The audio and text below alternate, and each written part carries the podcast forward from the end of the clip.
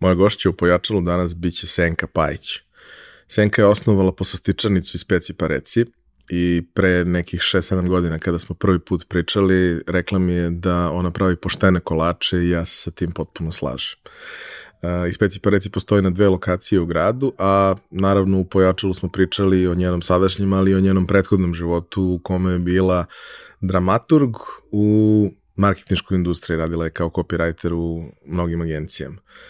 Njen životni put je jako interesantan, kao i kod svih gostiju i siguran sam da ćete u njemu uživati, naročito ako ste bili od one dece koja mnogo vole da čitaju.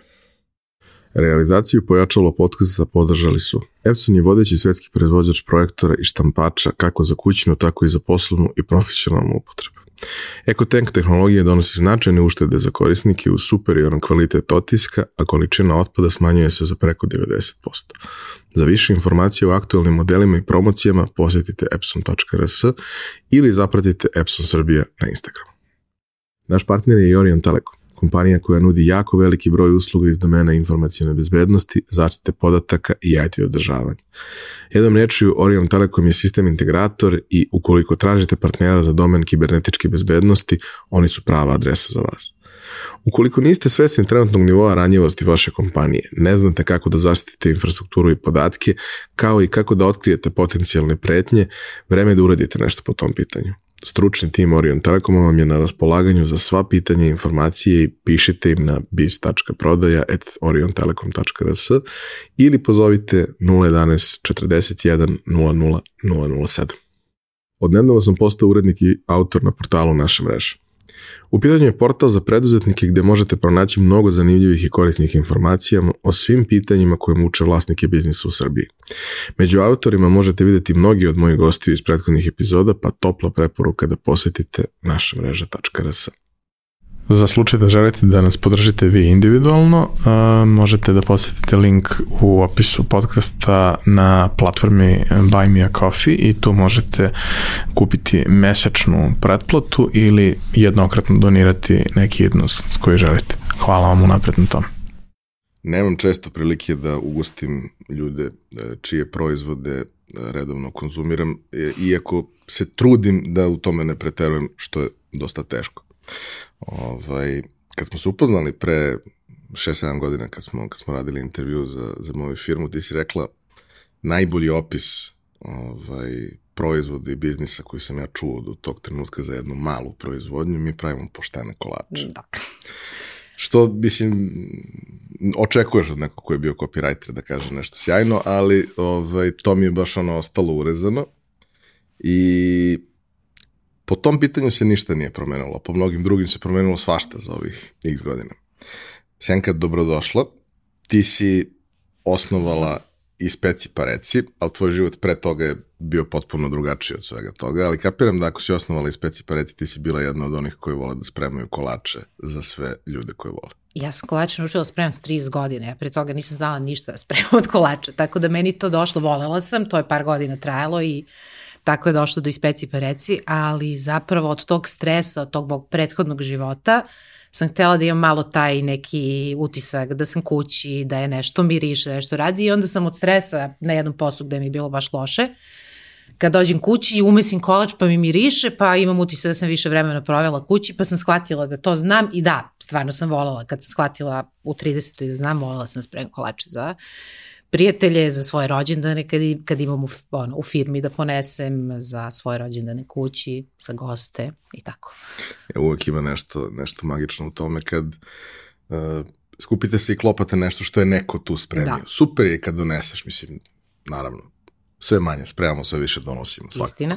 Ovaj, ali ima nešto magično u tome kad, kad je to neko napravio tu i kada gleda reakcije tih ljudi i ono, ako, ako postoji situacija u kojoj ti mozak ono, krene u overdrive i sve vidiš u slow motionu, to je kada gledaš ljude to je, kako ta, uživaju. Taj moment kad, kad se osjećaš kao da si usrećio ne, nekog konkretno tim što si mu napravio je ono neprocenjiv. I to se kasnije prenelo, mislim, i u Ispeci pa reci.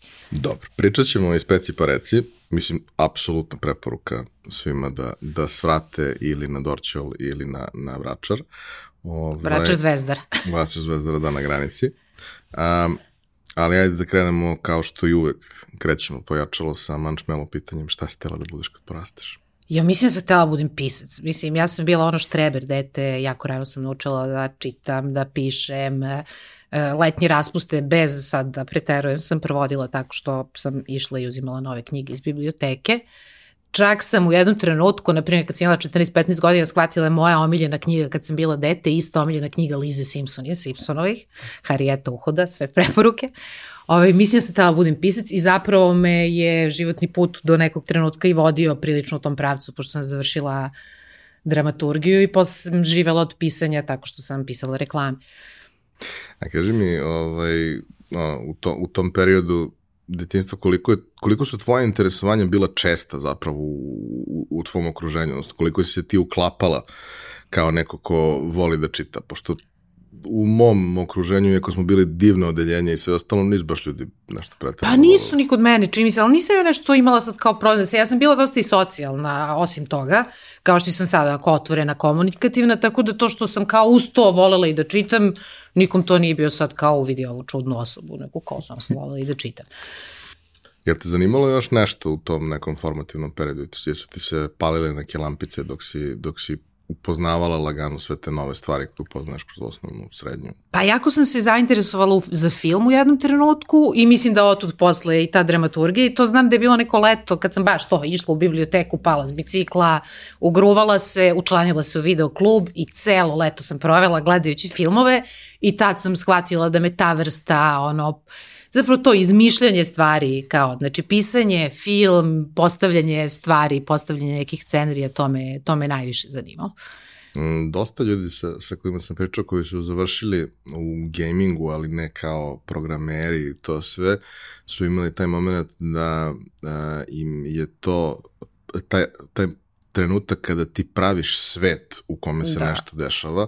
Jer kao, ok, ti se, ne znam, treba da se desi neki skeč u nekom predefinisanom okruženju, da li je ova ili ona učionica, da li je ova ili ona kancelarija, suštinski nije bitno. Ovaj, ali kada ti treba da napraviš čitav svet u kome se dešavaju sve te ostale stvari, kao to je to je nevjerovatno. Jeste, uzbudljivo. Ja. Mislim, meni to posle bilo tokom studiranja strašno uzbudljivo, jer tad smo učili neka pravila kako se postavljaju, pa kao moraš da definišeš svakog lika, pa da definišeš odakle, kako. To se sve ne vidi na ekranu, ali ti to moraš da znaš da bi mogao da ih pišeš, tako da to je jako zanimljivo. A kaži mi, ovaj, u tom nekom periodu osnovne, srednje škole, pričamo ti si malo stariji od mene. Pričamo o nekim dosta heavy godinama. O, da. Ovaj, u kojima smo svi nekako tražili način da pobegnemo malo iz uh, okruženja, ovaj, makar u, u, u tako nešto uh, abstraktno ili, ili, ili nestvarno, kao što je uglavnom jeli, literatura koju čitamo. Šta su, sad kad, kad se prisjetiš, prošlo je dosta, ali kao kad se prisjetiš, ovaj, koji su ono neki momenti, neke knjige, neki filmovi koji su ti stvarno bili groundbreaking na nekim, bože, samo engleski izraze koristim, inače nisam takav, ali ne, nemam ovaj, nemam sad bolji, bolji izraz od toga. ne, pokušam da prevedem. Da. Jer recimo, ono, ne znam, ja sam isto svašta nešto volao da čitam, ali i dan danas pamtim nekoliko stvari koje sam pročitao, gde sam bukvalno osetio kroz to da sam odrastao.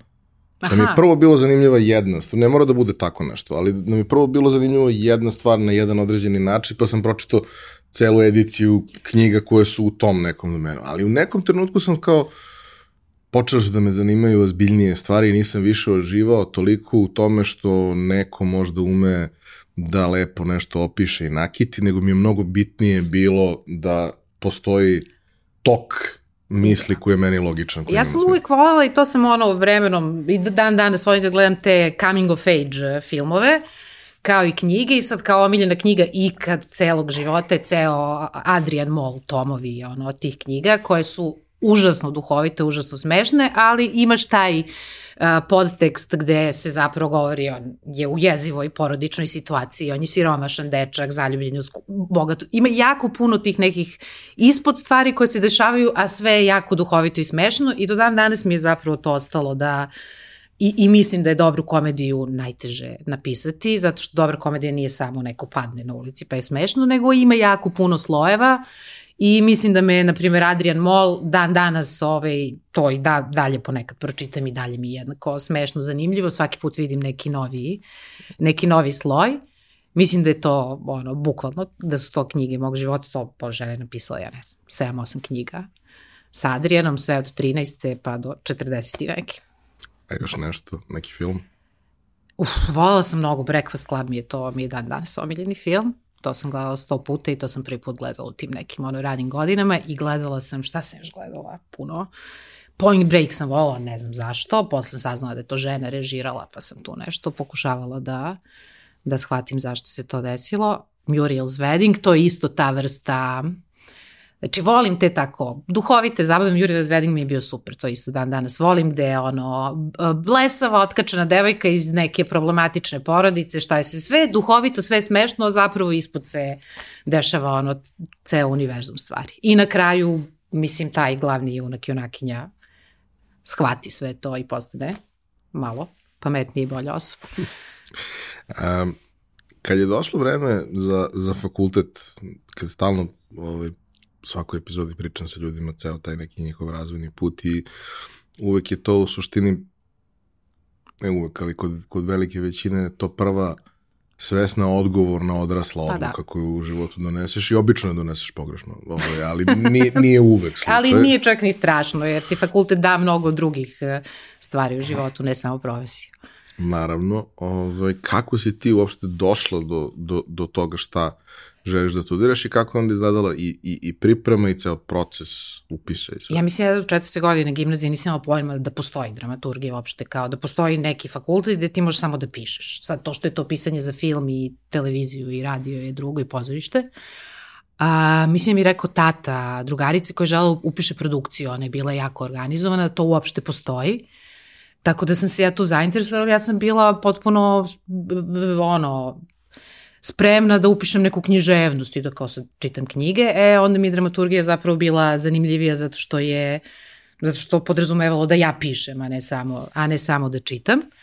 I onda sam, pošto sam pisala, ja stvarno u srednjoj školi pisala kratke priče, neke pesme, uglavnom kratke priče, više prozu, pa sam to nešto i objavljivala po nekim zbirčicama, Ove, onda mi je neko, mislim bi voditelj na nekom radiju, sad, sad mi je to malo davno bilo, rekao da kao zna neko ko studira dramaturgiju i upoznala sam ovaj, momka koji u tom trenutku završavao ili završio tek dramaturgiju, koji me spremio za prijemnik, koji mi u stvari sve te, ti ljudi jesu neke ovaj, veličine u kao domaćem filmu i, i, i u, u, u pozorištu, on je meni seo i razbio mi je tremu od njih i malo me naučio neka osnovna pravila kako treba da izgleda to što pošto moraš da napišeš dramu ili TV scenariju za, za prijem.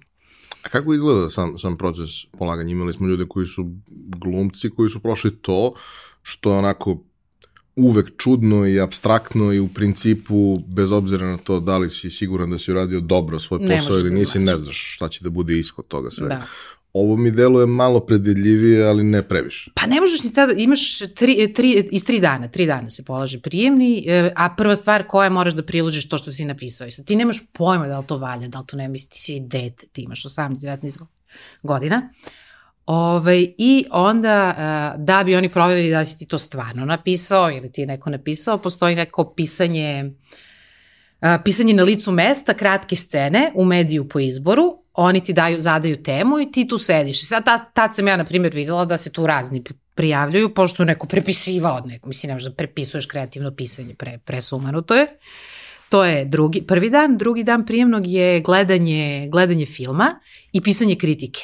I mi smo gledali neki domaći film gde se ja sela i napisala takvu pljuvačku kritiku Popljuvala sam sve u film od ono, od toga šta je u uvodnoj špici, koji film, jednako arogantno kako samo mladi ljudi mogu budu arogantni, došla kući i krenula plačem, jer sam bila u fazonu, jao, pa zašto oni su ovo nama dali, verovatno zato što je dobro, ja sam ovo upropastila, ovo je horor, nema šanse da me prime. I dva dana nakon toga izlazi rang lista sa užim krugom gde se poziva duplo više ljudi nego što će biti primljeni i onda nas pozivaju na razgovor. Kada sam izašla na to ovaj spisku za uži krug, ti tamo ideš da pričaš s tim nekim ljudima koji su ti profesori, koji su ono, dramski pisci, scenaristi i tako dalje, koji mogu da te pitaju šta god im padne na pamet. I to je neki razgovor koji može da bude prijatan, neprijatan, kakav god. Ja sam otišla sad s to velikom tremom, ti ideš na taj razgovor s tim ljudima I prvi komentar koji je bio je bio odlična vam je kritika i meni tu sve ok. Tako da, na primjer, to je bio trenutak kad sam mogla pretpostavim da ću verovatno biti primljena, ali da, mislim, nas se primaju samo sedmoro, osmoro po generaciji, tako da je prilično...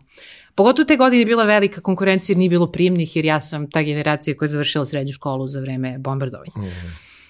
Tako da, Eto, to je, to je sistem prijemnog, ti pričaš s njima, mogu da te pitaju bilo šta i onda 3-4 dana kasnije izlazi rang lista i znaš da li si primljen ili nisi. Ne, uvijek ovaj, ti nestandardni fakulteti koji nemaju standardni prijemni, oni uvijek budu ranije, da bi ti da bi ostavili mogo, da, mogućnost da, da, da ti da, sad odeš negde na ono na prava ako ne uspeš ništa ovaj tamo. Da imala da sam druga koji paralelno studirao i prava i dramaturgiju dok se nije odlučio samo za dramaturgiju.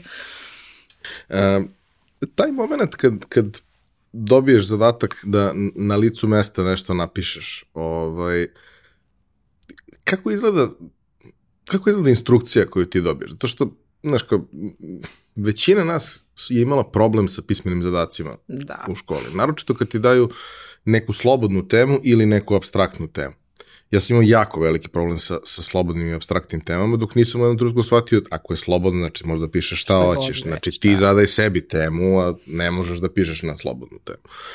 A ako je abstraktna, onda je u principu jedino bitno da to zvuči dobro. Može bude besmisleno potpuno.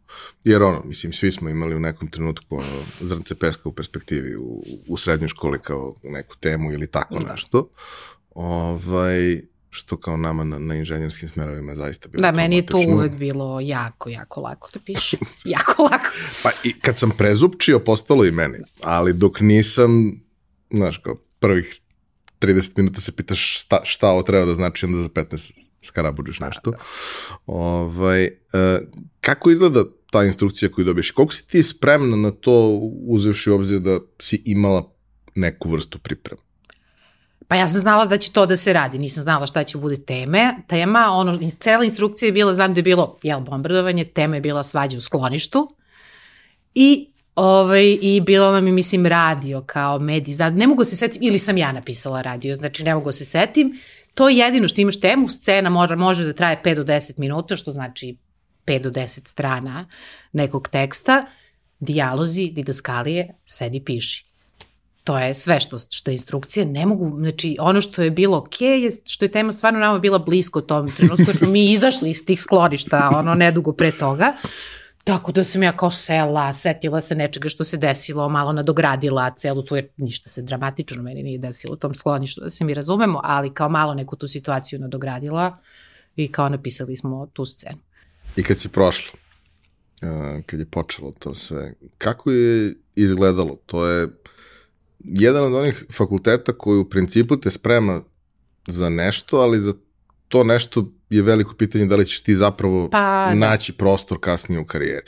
Ok, stekneš neki set veština koji mogu da ti pomognu na raznim drugim mestima i kao gomila i glumaca je zahvaljujući tome što ima dobru dikciju, scenski nastup i sve ostalo u nekim drugim domenima se ostvarila, ali ovo je posebno u tom periodu u kome pričamo još abstraktnije, jer u tom trenutku mi baš i nemamo neku produkciju. Mislim, da, sad i ima sad. Sad ima sad mnogo veće, i sad svako ko je, da, da. ono, još ako je ne znam, snimatelj ili nešto slično od tih ljudi koji, koji operativno rade na, na setu, posle ima beskonačno, ima više nego što, što može da se podnese. U tom trenutku ti imaš par filmova godišnje, uglavnom neke mračne teme, mm. i repriziraju se serije i da. jednom od deset godina se snimi ono, uh, serija koja će se narednih 300 godina reprizirati, reprizirati i to je to. Znaš, kao, šta, kako ste učili i, i na šta su vas pripremali, zato što mislim da s jedne strane učenje je tu vrlo važno svakako, ali i kroz taj faks mislim da ima dosta te pripreme za život sa tim ljudima. Pa mi smo dosta, mislim, mi smo taj zanetski deo posla, taj zanetski deo posla se bukvalno nauči za par meseci. To je prilično, mislim, to je, moraš da znaš gde šta ide, kako da ovo što sam na početku ovaj, rekla, likovima, ovaj, smišljaš pred istoriju likovima, smi, znači razmišljaš u napredu, nazad, te, te neke te neke tehničke stvari, to se prilično brzo nauči i onda učiš svake godine pišeš za različit medij, svake godine imaš jedan rad, znači mi sedimo, pišemo ono što je sjajno i što mi, na primjer, za život naučilo najviše na fakultetu je to da si ti toliko spreman na kritiku, da ti kada izađeš sa dramaturgije, ti se ne ljutiš, kogod da ti popljuje to što si uradio, ti si ok sa tim i znaš da to može samo da ti pomogne. Jer ljudi su jako često sujetni, pogotovo kad je nešto jako intimno, lično, što pišu, što rade. Ovaj, nama je deo, ono, znači, ko prvi napiše, ko prvi dođe s temom, često mi odbacimo tu temu i tu ideju s kojom krenemo, ti dođeš i čitaš pred tom ekipom od profesora, asistenta i tvojih šestoru, sedmoru kolega sa, sa klase i oni te bukvalno kad god požele zaustave i kažu, a zašto si ovo napisao, ovo ti ne valja, ovo ti... I ti vrlo brzo naučiš da prihvatiš da ti nisi najpametniji na svetu i da će savjeti tih ljudi sa kojima znaš, koji su jel, ovaj, slično talentovani kao i ti da ti pomognu. I to je jako, to je najkorisnija stvar za život koju sam naučila na fakultetu, osim toga što sam upoznala neke super ljude s kojima se dan danas družim. Ali to je jako, jako korisno. Znači jedne godine pišeš kratak film do 30 minuta, sledeće godine pišeš TV scenario, piše, pisali smo biografski film i pisali smo na kraju za diplomski film kao za celovečernji. Na dramaturgiji isto jednočinku pišeš, pa pišeš radiodramu, pa pišeš, znači svake godine treba da izbaciš jedan, jedan autorski tekst u mediju koji ti je zadat te godine. A šta još imate od predmeta? Svašta imamo i psihologiju, na primer, imamo sad teorijske predmete, istorija filma, teorija filma, istorija pozorišta, pa onda imamo e, pozorišnu režiju, ali to su sve po dva semestra, na primjer, ne, ne toliko dugi, pa film, TV, TV režiju, radio, svašta. Znači ima dosta raznih predmeta, Uh, filmska muzika, to smo dve, odnosno muzika, ne samo filmska muzika kao u medijima, to smo dve godine učili. I neki su ok, jer se na nekima rade neke praktične stvari. Znam da smo snimali neke kratke, jedni drugima smo glumeli u nekim kratkim radio formatima, a neki predmisli su potpuno čisto teorijski. Sad ne znam, nadam se iskreno da se to umeđu vremenu ovaj, osavremenilo da ljudi znaju. Ono što bi ja zamerila fakultetu, što nije bilo te planski uh, rad u, u, u toj vrsti industrije ili umetnosti, ove, zahteva ono, sinergiju, zajednički rad sa drugim ljudima koji ono, dopunjujete se, nisi sad ti sad napisao i završio si. E tu nije bilo, nekako nismo bili upućeni jedni na drugi kao klasi. Nekad se desi da se neko prepozna pa sad ti ljudi posle rade zajedno, ali prosto nismo bili upućeni na ekipu s režije, na ekipu sa kamere, ne, da imamo sad kao da pravimo timove, nego smo mi kao radili svoje i to je bilo to. Čini mi se da se to promenilo u smeru da sada uh, kada neko dobije zadatak da snimi film, on povuče ljude da. sa glume, uzme scenario sa, sa, sa dramaturgije i tako dalje da napravi... I to je super i drago mi je da I zajednički projekat i svi treba da isporuče nešto od toga tako da svakome to odgovara i, i motivisani su i ono što znam isto recimo što mi, što mi je super bilo baš jako pozitivno iskustvo pre, pre par godina sam prvi put se sreo sa tim, to je da zapravo fakultet uh, ima jedan određeni set opreme koji nije mali, da. da ti možeš da koristiš te stvari, jer to jeste nedostupno. Sad, ok, to najčešće nije profesionalna oprema, ali ti danas i sa fotoaparatima možeš Može da snimiš nešto dobro, što je da, jako da. dobro. A ako je neko baš napravio nešto sjajno, pa vrlo verovatno će dobiti priliku da to možda snimi i u nekom, i u nekom boljem ovaj, kvalitetu. A, koliko je trajalo to sve i, i, i, i kad se završilo studiranje, šta onda? Pa trajalo četiri godine, to je fakultet. Pred kraj fakulteta sam eto već počela nešto part time da radim u nekom PR udruženju i onda sam prestala da radim da bi napisala te diplomske radove, a umeđu vremenu sam nekako jako puno, čak jedna drugarica sa klase počela, ja mislim, već na trećoj godini da radi kao copywriterka i koliko znam, na dramaturgiju među vremenu uveden copywriter, copywriting kao predmet, jer najveći deo nas, iz tih nekih generacija kada sam ja završavala dramaturgiju, završi kao copywriteri. To je neka primenjena, ono, užasno primenjena praktična dramaturgija, jer ti znaš kako se piše, znaš šta su, ono, znaš te neke tehničke stvari i ovaj, to je bio neki logičan put da kao Paralelno ti sa tim sediš, ja sam imala super ekipu ovaj, drugara sa klase i neki od njih su najzad uspeli da zapravo to kako je povećala se produkcija poslednjih par godina da se bave ovaj, da rade kao scenaristi. Ove, mi smo pisali neke svoje stvari, znači pisali, čak smo za nešto snimili pilot za jednu emisiju i to je bilo dosta kao dobar odjek je bio na YouTube-u, ali to je loš timing bio, nismo mogli da nađemo nekog ko bi. Našli smo čak i emitera, nismo našli producenta. Pa smo onda snimili trailer za neku seriju. Bavili smo se mi paralelno tim, ali kao prvo ono, sediš i radiš kao copywriter, što nije neki posao koji mene nije ispunjavao. Mislim da ne bude sad kao mrzim advertising, ne mrzim. A, izlazak iz tog umetničkog i prelazak u nešto što je vrlo primenjena, destilovana umetnost. Jeste. ovaj, podrazumijeva dosta tih nekih prilagođavanja. Jedna od, od, od najtežih stvari ljudima koji sjajno pišu je kada im kažeš super je to, samo mora da stane u ovoliko da. karaktera. Mora da bude moraju da razumeju svi, mora da se prilagodi publici koje se obraćaš, a koja tebi lično nije bliska ni na koji način. Znači, obraćaš se nekome ko je potpuno druga generacija, interesovanja da. i sve ostalo. I ok, sad možda postoji neka vrsta formalne pripreme za tako nešto, mada većina ljudi koje ja znam koji pišu nemaju nikakvu formalnu pripremu za to kroz, kroz svoje obrazovanje.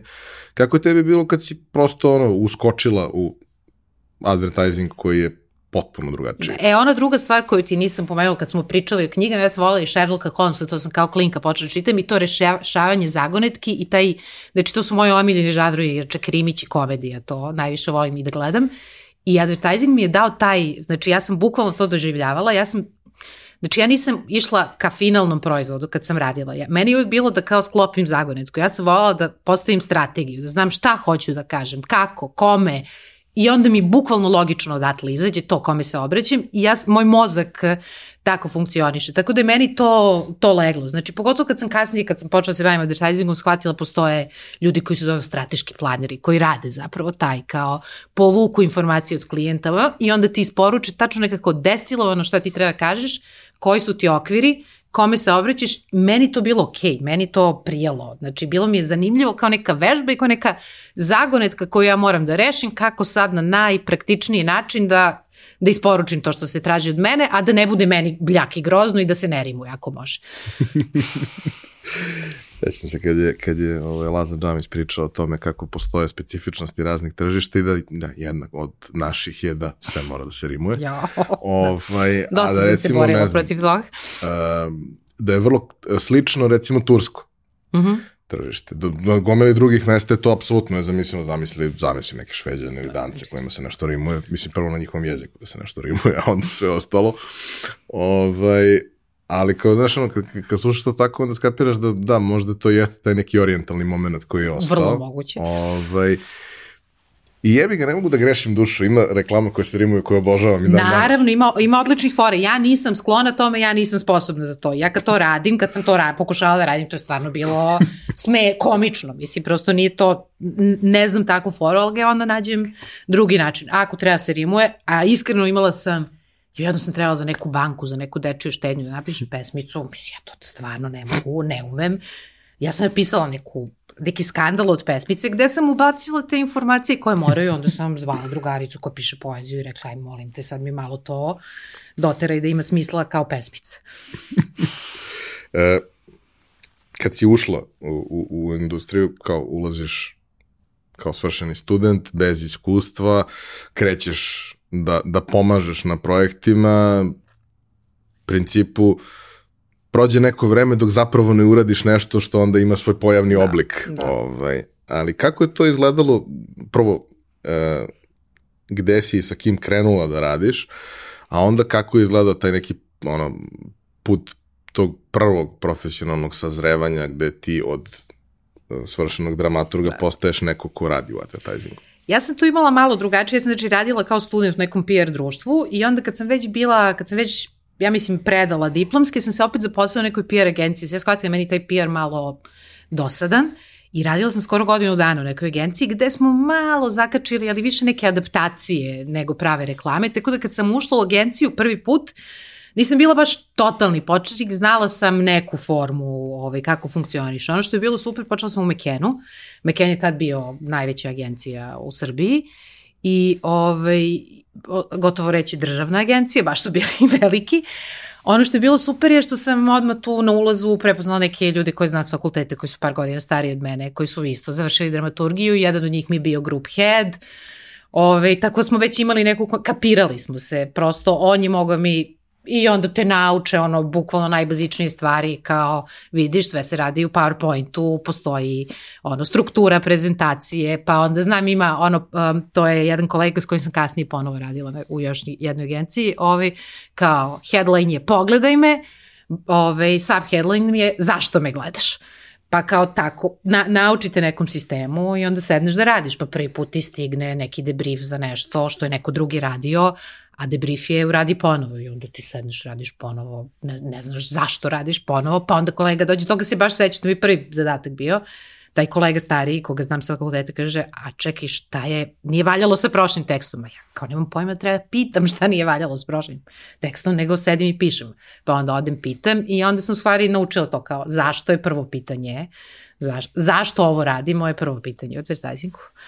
Ja se sećam ovaj, kad god je tako nešto novo i neko te pozove kaže bi mogao da pripremiš šta god za nešto novo Ovaj, da sam ja uvek tražio, e, može mi dati primere ovih prethodnih? Pa, ja ću da. na osnovu primera prethodnih da, da shvatim šta treba da se radi, pošto sigurno mi niko neće objasniti. Ovaj, ali kao, daj mi tri primera i ja ću od toga da, da, da napravim četvrti. Prilike, pa da. Možda neće da bude idealan, ali uz ono, dve iteracije bit će dobro. A ono što je super bilo u tom trenutku je tad je produkcija sama, reklama u, u Srbiji bila mnogo veća nego sad i dosta se više snimalo i pogotovo u Mekenu koji je bio velika agencija, tako da ti jako brzo uđeš u to da zapravo radiš na nečemu što će da se ono za početak pojavi na billboardu, na ulici, na, u novinama, a vrlo brzo će bude i TV reklame i ti tu nekako u hodu naučiš kao, e, idemo danas na PPM, ti si, i da, advertising je pun nekih skraćenica koje, ono, ako nisi u advertisingu ti nemaš šanse da ih razumeš, kao idemo na PPM, ja kao, ok, idemo, i onda shvatim, aha, to je sastanak za snimanje reklame koji se dešava prema, Tako da kao naučiš jako brzo, ali užasno je nekako, ja mislim da sam posle šest meseci ono prošla kroz ceo proces i da sam već eh, ono, znala svašta da radim i da su mi već počeli da me šalju i na prezentacije eh, i to je bila jedna stvar koja meni jako dobro išla, ja sam jako dobro prezentovala. Da što si verovala u to što prezentuješ? I verovala sam i to kad znam šta sam uradila, nekako nemam frku i nikad nisam imala frku od javnog nastupa i onda su primetili tamo su to brzo pročitali i nisam imala frko da se blamiram pred klijentima da to menjam glas, da stavljam karmin pred klijentima, da glumim reklamu. To verovatno i potiče još od kao FDU-a koji sam završila, gde smo se isto tako malo ovaj, pa mislim, pravili smo sami neke scene, predstave, nisam imala frku od toga, tako da su me, taj, taj deo posla sam jako brzo počela da radim. Ako bi, ono, kampanje ili neke prosto trenutke koje su tu dešavali izdvojila kao nešto što ti je ono značilo opet u tom nekom smislu formiranja i sazrevanja na posli? Pa najbolje, mislim, sva što sam ja tu radila i radila sam velike kampanje, to mi je jako značilo u tom Ekenu. Kasnije kada sam menjala agencije, najznačajniji projekat koji sam radila i koji mi je baš drag, radila sam posle Telenor, one prelepe kampanje, ako se sećaš kad su oni potpuno promenili estetiku, pa sam upala u tu ekipu uh, Pa smo radili ono kad je Deezer se pojavio u Srbiji sa Natašom Bekvalac i Jacom Luka, to je bilo prezabavno da se radi, pogotovo što to nije bilo nešto što se očekuje od Telenora, ali oni su bili sjajan klijent tad, ali ovaj, jedna od najznačajnijih stvari koje sam radila je za Lutriju, za Loto, sastanak sa srećom sa Đuričkom. Meni se tu desilo nešto što mi se nikad desilo se na 100% skapiram sa klijentom i da se mi prepoznamo odmah da, do te mere da ona žena ni sa kim drugim, kad, kad ju donesu tuđi scenariju, a ja ga prezentujem, ona, ona zna da to nije moje, bez da ju ja kažem, prosto smo se, I ja sam otišla kod nje tu sa, ja sam nju u dve rečenice, znači ja nisam imala scenariju, nisam imala storyboard, ništa nisam imala, nego sam u dve rečenice rekla šta ja hoću, nakon što me ona odlično brifirala. I kao zamisli, kao čovek ide na dejt sa srećom i ona je, ono, to je bilo, to je to. Mi smo dobili nagradu te godine za najbolju reklamu u Srbiji i dve godine kasnije smo snimili nastavak i radili smo, posle smo radili privatno kad sam ja već izašla iz advertisinga, nešto smo sarađivali zajedno. Ali taj moment gde, ovaj, ok, kažeš da te, da te FDU pripremio na to, ali taj moment gde ti sve uradiš kako treba i potpuno si siguran da je to da je to to i klijent kaže ne, to nema nikakvog smisla. Jako te frustrira u početku, ali kako nekako sa, ono, sazrevaš, na, navikneš se na to i nekako imaš ono, koža je sve deblja i kao ajmo dalje. Mislim, ono što je isto strava u tom advertisingu je što ti konstantno izbacuješ, znači tebi, ok, ajmo dalje, znači nije ono, nikad ništa neću smisliti, sve su nam popljuvili, ako si prezadovoljan i super si uradio, nego ajde da uradimo nešto od čega nas opet nije sramota i što je ok i u tim okvirima i stalno nekako uspevaš da izbaciš nešto iz sebe i to je neverovatno. Ono. Nemaš vremena da patiš. Pa da. Ali e, postoji tu jedna stvar koja ono, e, izlazi iz okvira toga što, što je e, loš feedback i sve ostalo kao ok, uradio si sjajan posao i dobio si loš feedback i tužan si zbog toga svega. To je taj moment kad prvi put, uh, pošto jeli, stvari moraju da se urade i moraju da se urade u određenom roku, prvi put ti radiš na nečemu, dobiješ feedback, prepakujete i na kraju snimite nešto što je sranje. Zašto si ti siguran, ono, da, duboko da, veruješ da, da, da je sranje.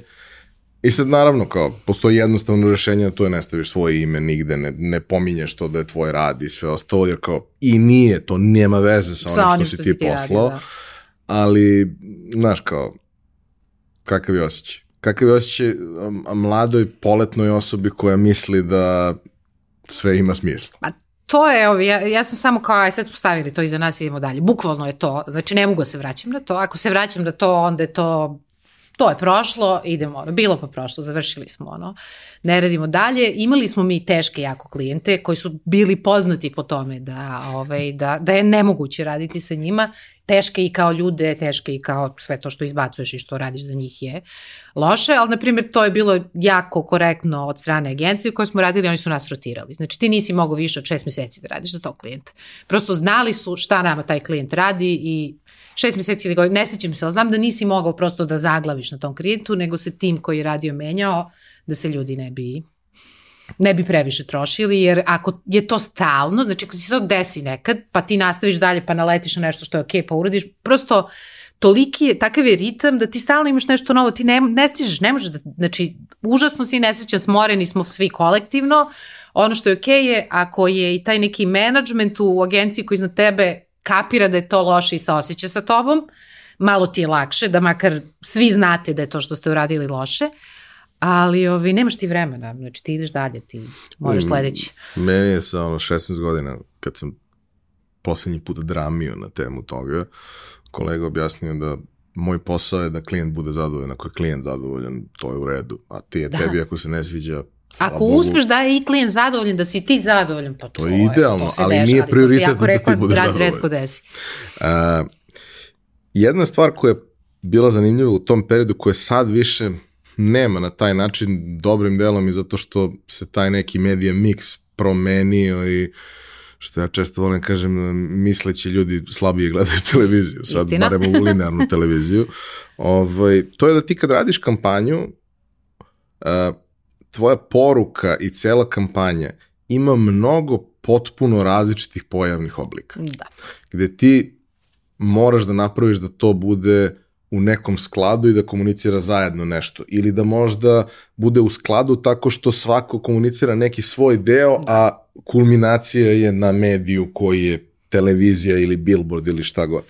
I sad, uh, vi ste učili na faksu da radite za različite medije u kojima postoji dramski scenarij, dram, dramski sadržaj. Mislim, ja, ja i dalje mislim da su radio drame genijalna stvar, ja, samo da, meni radio... nema ni jedna novija od, od 70 da. i neke, ali nema veze. Radio kao medij, ja sam u advertisingu jako vola pišem radio reklame, to mi je bilo prezabavno, jer je, ne kori, ljudi ga ono otaljaju, a jako je zabavno medij. Jako je zabavno i e, mislim da ništa se ne ureže toliko kao to ja pamtim radio reklame od pre 25 godina. Pa da. Jer jednostavno nemaš osim toga što kaže, znači nema ništa. poruke i glasa. Nema distrakcije. Da, nema da. ničeg drugog. Znači, kao, ne možeš ti da staviš flash i grafiku i da nije bitno šta je na reklami. Kao ono, ne znam, Čola reklamira ne znam, ono, prašak za da. pranje veša, znam da je čola, ne znam koji je prašak. Da, da, da. Ovaj, e, ovde to je nemoguće. Tako da zapamtiš sve te genijalne reklame s kraja 90-ih. Ja, da, da. ja sir jedem sam, mislim ne sam ja, nego sam sir. I sve što uz to ide. Ovaj, kako se prosto uh, pripremaš na, na to sve i, i na koji način tim radi na tome da uh, kada dobijete buy-in za tu osnovnu stvar, da je razvijete na sve ostalo. E pa često se radi sve u isto vreme zapravo. Znači nije da ti prvo napišeš, postoje ljudi koji rade, ja nisam taj tip, postoje ljudi koji prvo urade foru ili prvo napišu scenariju. Meni nikad nije sve izlazilo iz scenarija, ja sam uvijek imala ono, i to je neka škola koju se ja naučila u Mekenu, drugo to je škola koja je meni prijala, da ja imam ideju, odnosno koncept i da ga onda razvijem, bukvalno ga razločim gde šta hoću da kažem i onda mi to sve nekako legne. Ne mogu, ne znam kako ti objasniti. Bukvalno ta slagalica.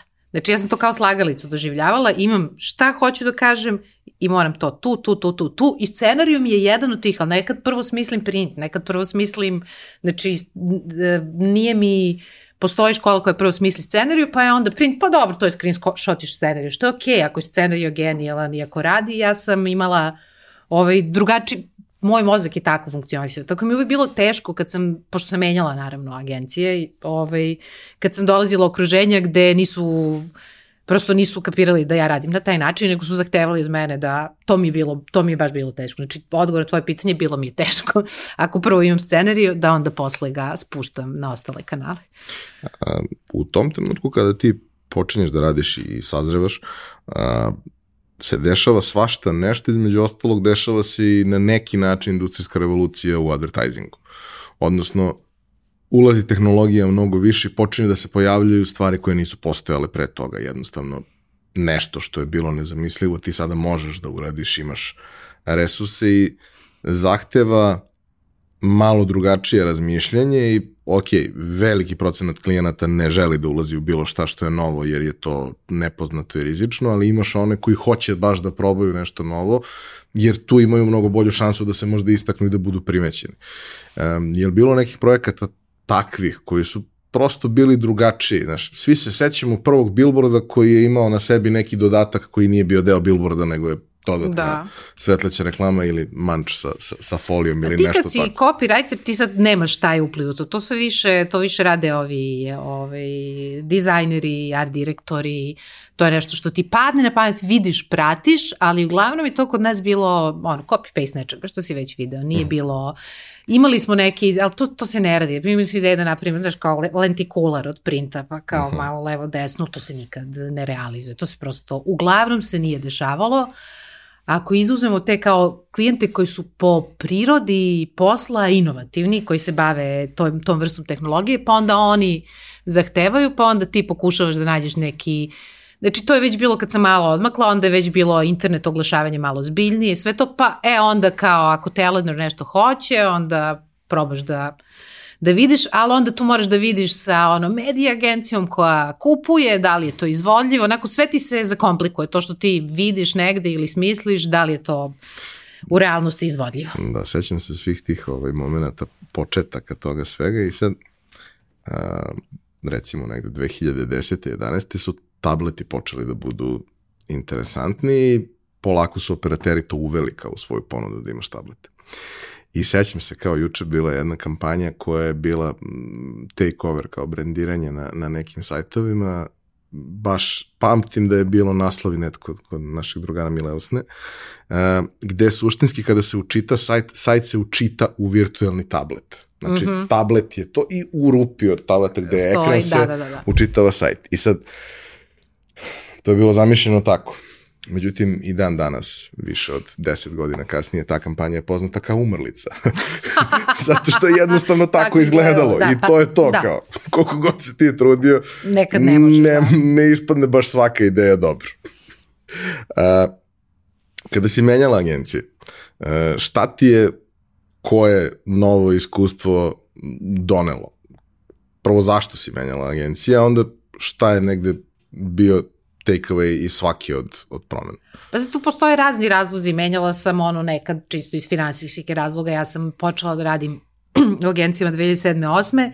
i onda je došla ova finansijska kriza mhm. koja nas kasnije zakačila, onda kao to se desi pa ti moraš da nađeš način da zarađuješ više novca, pa onda odeš negde da ti je stvarno jako loše, pa onda odeš na neko drugo mesto. Uh, ovaj, pa te nekad neko pozove, koga znaš od ranije, pozove ti da dođeš da radiš, kao treba mu neko za ti. Tako da, tako se menjalo. Ono što je super i ono što je, ono, osim tog zanimljivog dela, što, tog sklapanja, ono, slagalice i rešavanja zagonetki, Ove, ljudi u advertisingu su super i to mi je najveće iskustvo koje mi je ostalo odatle. Ove, ti da bi uopšte mogao radiš taj posao, tebi mora svašta nešto da zanima, moraš da budeš načitan, nagledan, da pratiš, da budeš up to date sa svim stvarima, da znaš koja društvena mreža je sad najaktualnija, da znaš, mislim, u mom slučaju da znaš i hollywoodske tračeve, ali kao moraš svašta da znaš i ti ljudi su stvarno ove, svi zanimljivi na neke različite načine i mnogo sam, mnogo sam naučila tih ljudi.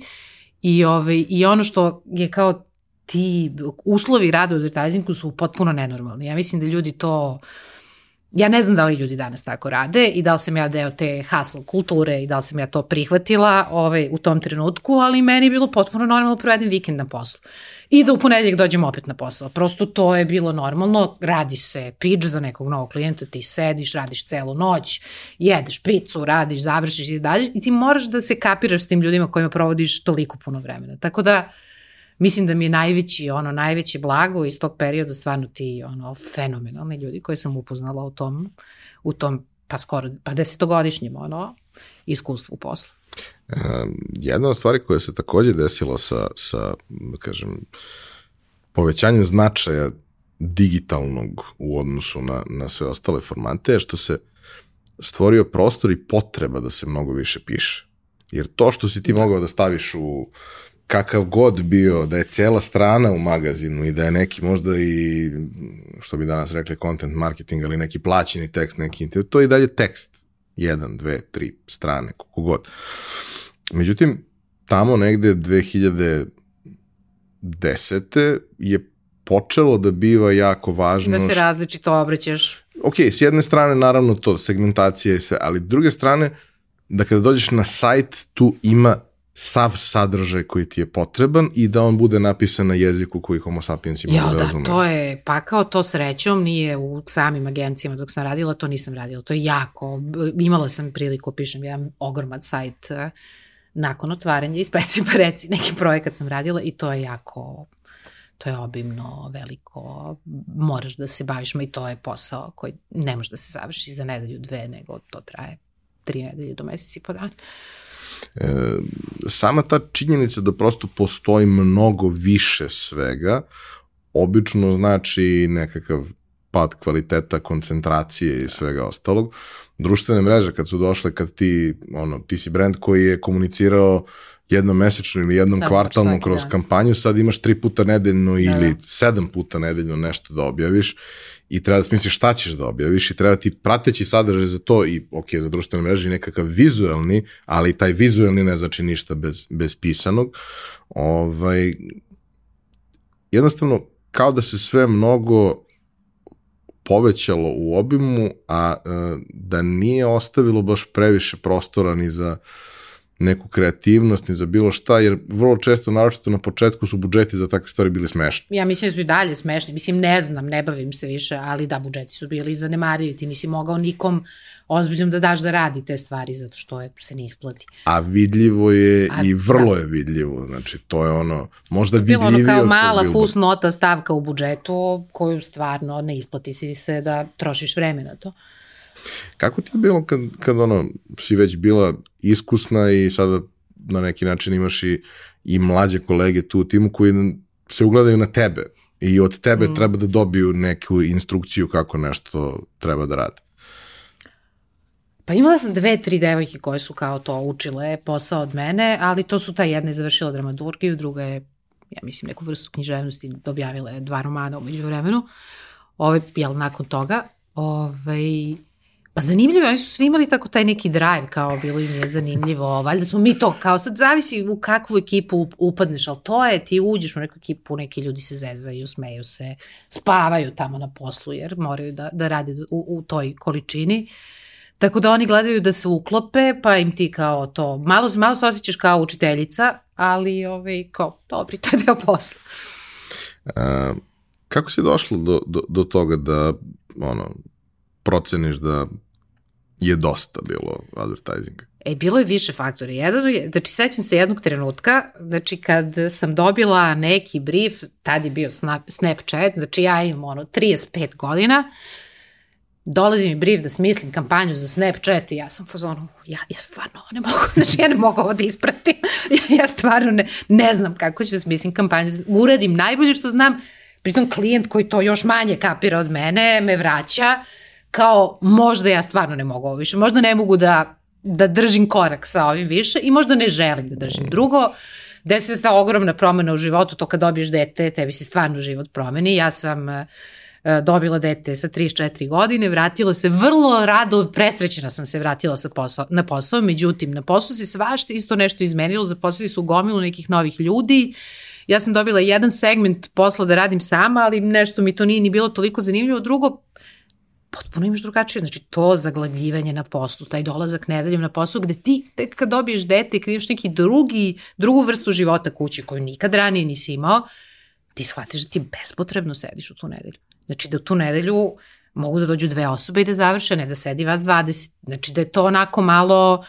I mislim da su to, znači te dve stvari, to kad je krenulo da se, da se pojavljaju neki novi kanali koji mi nisu bili bliski, niti sam se osjećala komotno njima, i drugo taj moment da možda stvarno nema potrebe da da toliko haslujem, a kao kući me čeka nešto što mi je bilo mnogo važnije od toga. I, i dalje. ovaj, I sad, taj, taj prelazak nije nešto što možeš da uradiš za dan. Ne. Posebno što, mislim, možeš da pređeš iz jednog posla u drugi za dan, ali ako praviš nešto i praviš nešto od nule i praviš nešto što je drugačije u odnosu na sve ono ostalo što postoji nemaš, tu. I o čemu nemaš pojma uopšte, realno, objektivno. To je dosta, dosta teško. Sad, da. ti imaš sreću da e, u kući imaš zaokružen ceo proces. Da. Znači, sve što ti smisliš ima ko će da vizualno ja prikaže. Ja pustim i da se smisli, ja sam ono, okej. Okay. A, kako si ti uopšte kao, kako je došla ideja za, za, za ispeci pa reci i šta je bila u startu ta ideja sa kojom si ti krenula? Pa ja sam to, kao što ja sam znači s 30 godina počela pečem kolače i shvatila da znam da ih pečem, onda odnesem u firmu za rođenje, onda mi ljudi traže recept za neki najbazičniji kolač, ali stvarno, mislim, sad kad bi ispričala recept, ja sam fazonu kako je moguće da ne, ne znaju to da napravi i ne uspe mi, kao, ok, izlavo znam da radim. Onda su mi ovi američki kolači bili dodatno zanimljivi jer sam, ono, sticam okolnosti išla dva puta u Ameriku kao pojedem tamo mafin, mafin ludilo, pojedem kod nas mafin odvrat.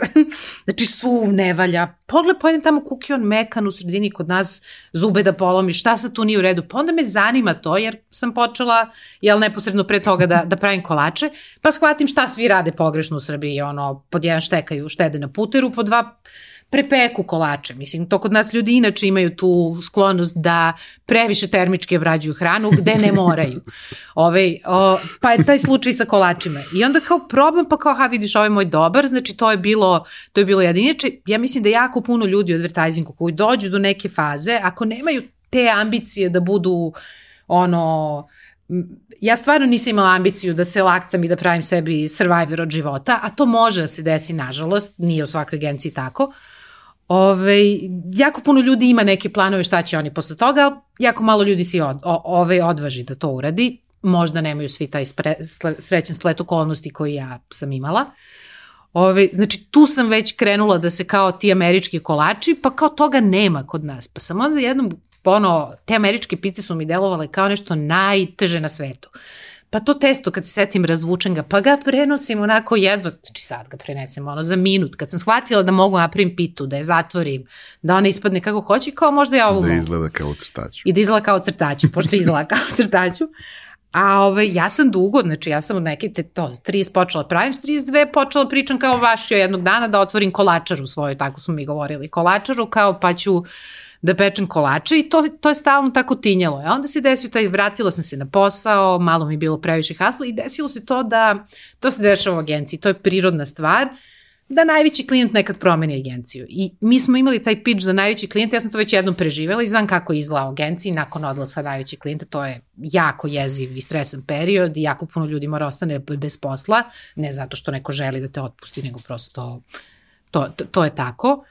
I tako se nekako sve poklopilo i poklopilo se da mi je neko ponudio onaj lokal dole na Dorčulu, onako usput, po vrlo, po vrlo odličnim uslovima.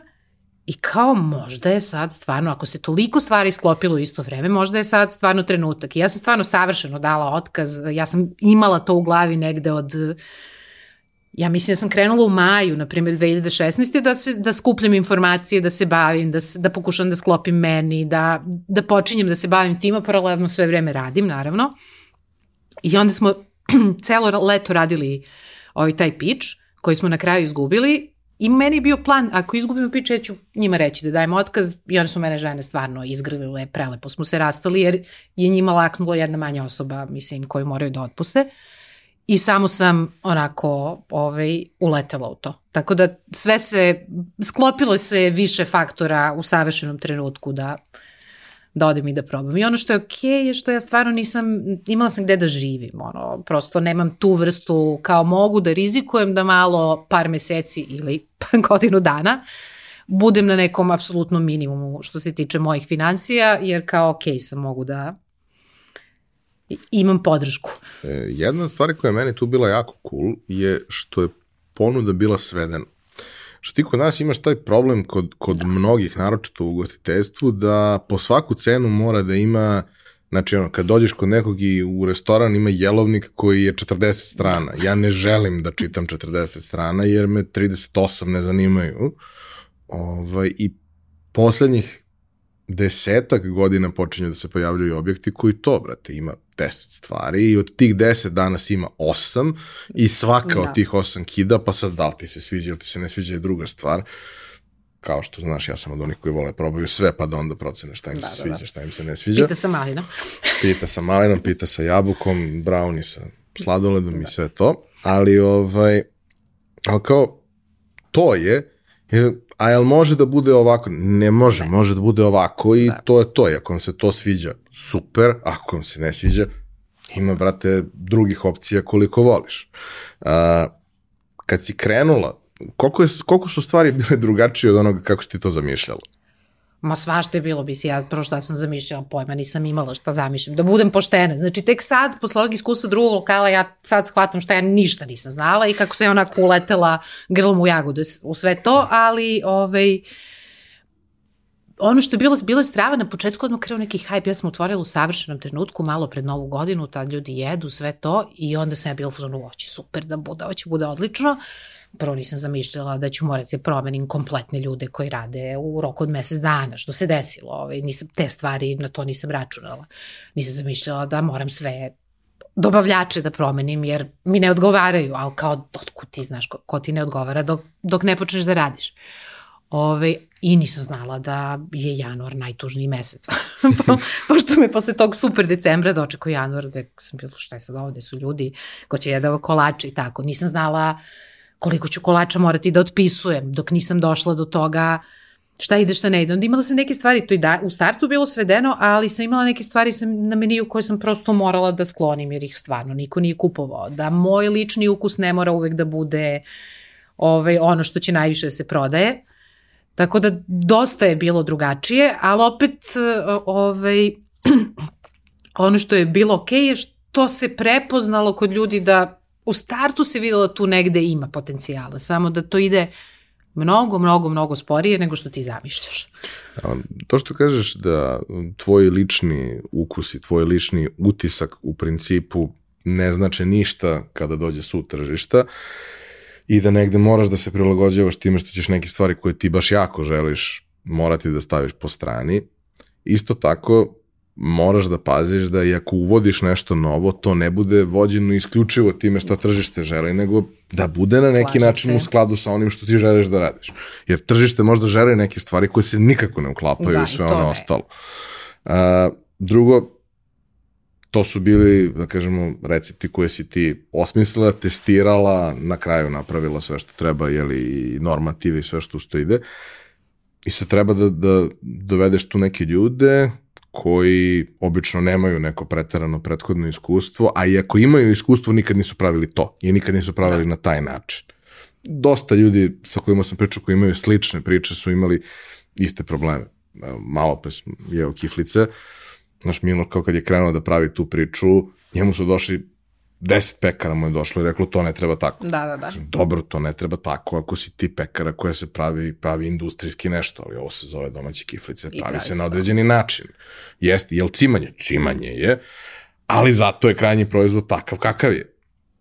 Slična stvar je i ovde. Sigurno je bilo mnogo mudraca koji su došli i rekli ovo može bolje, ovo može Pa drugačije. bilo je ljudi koji to samo promene recept, dok ja nisam, mislim, i onda se ne, znaš, ne možeš staviš više brownie, taj, brašno u taj brownie, to onda nije taj brownie, to onda nije ta tekstura koju sam ja baš htela da postignem i kao mesec dana sam ga pekla svaki dan, dok nisam dobila da je kremast u sredini, da ima onu koricu gore i sve.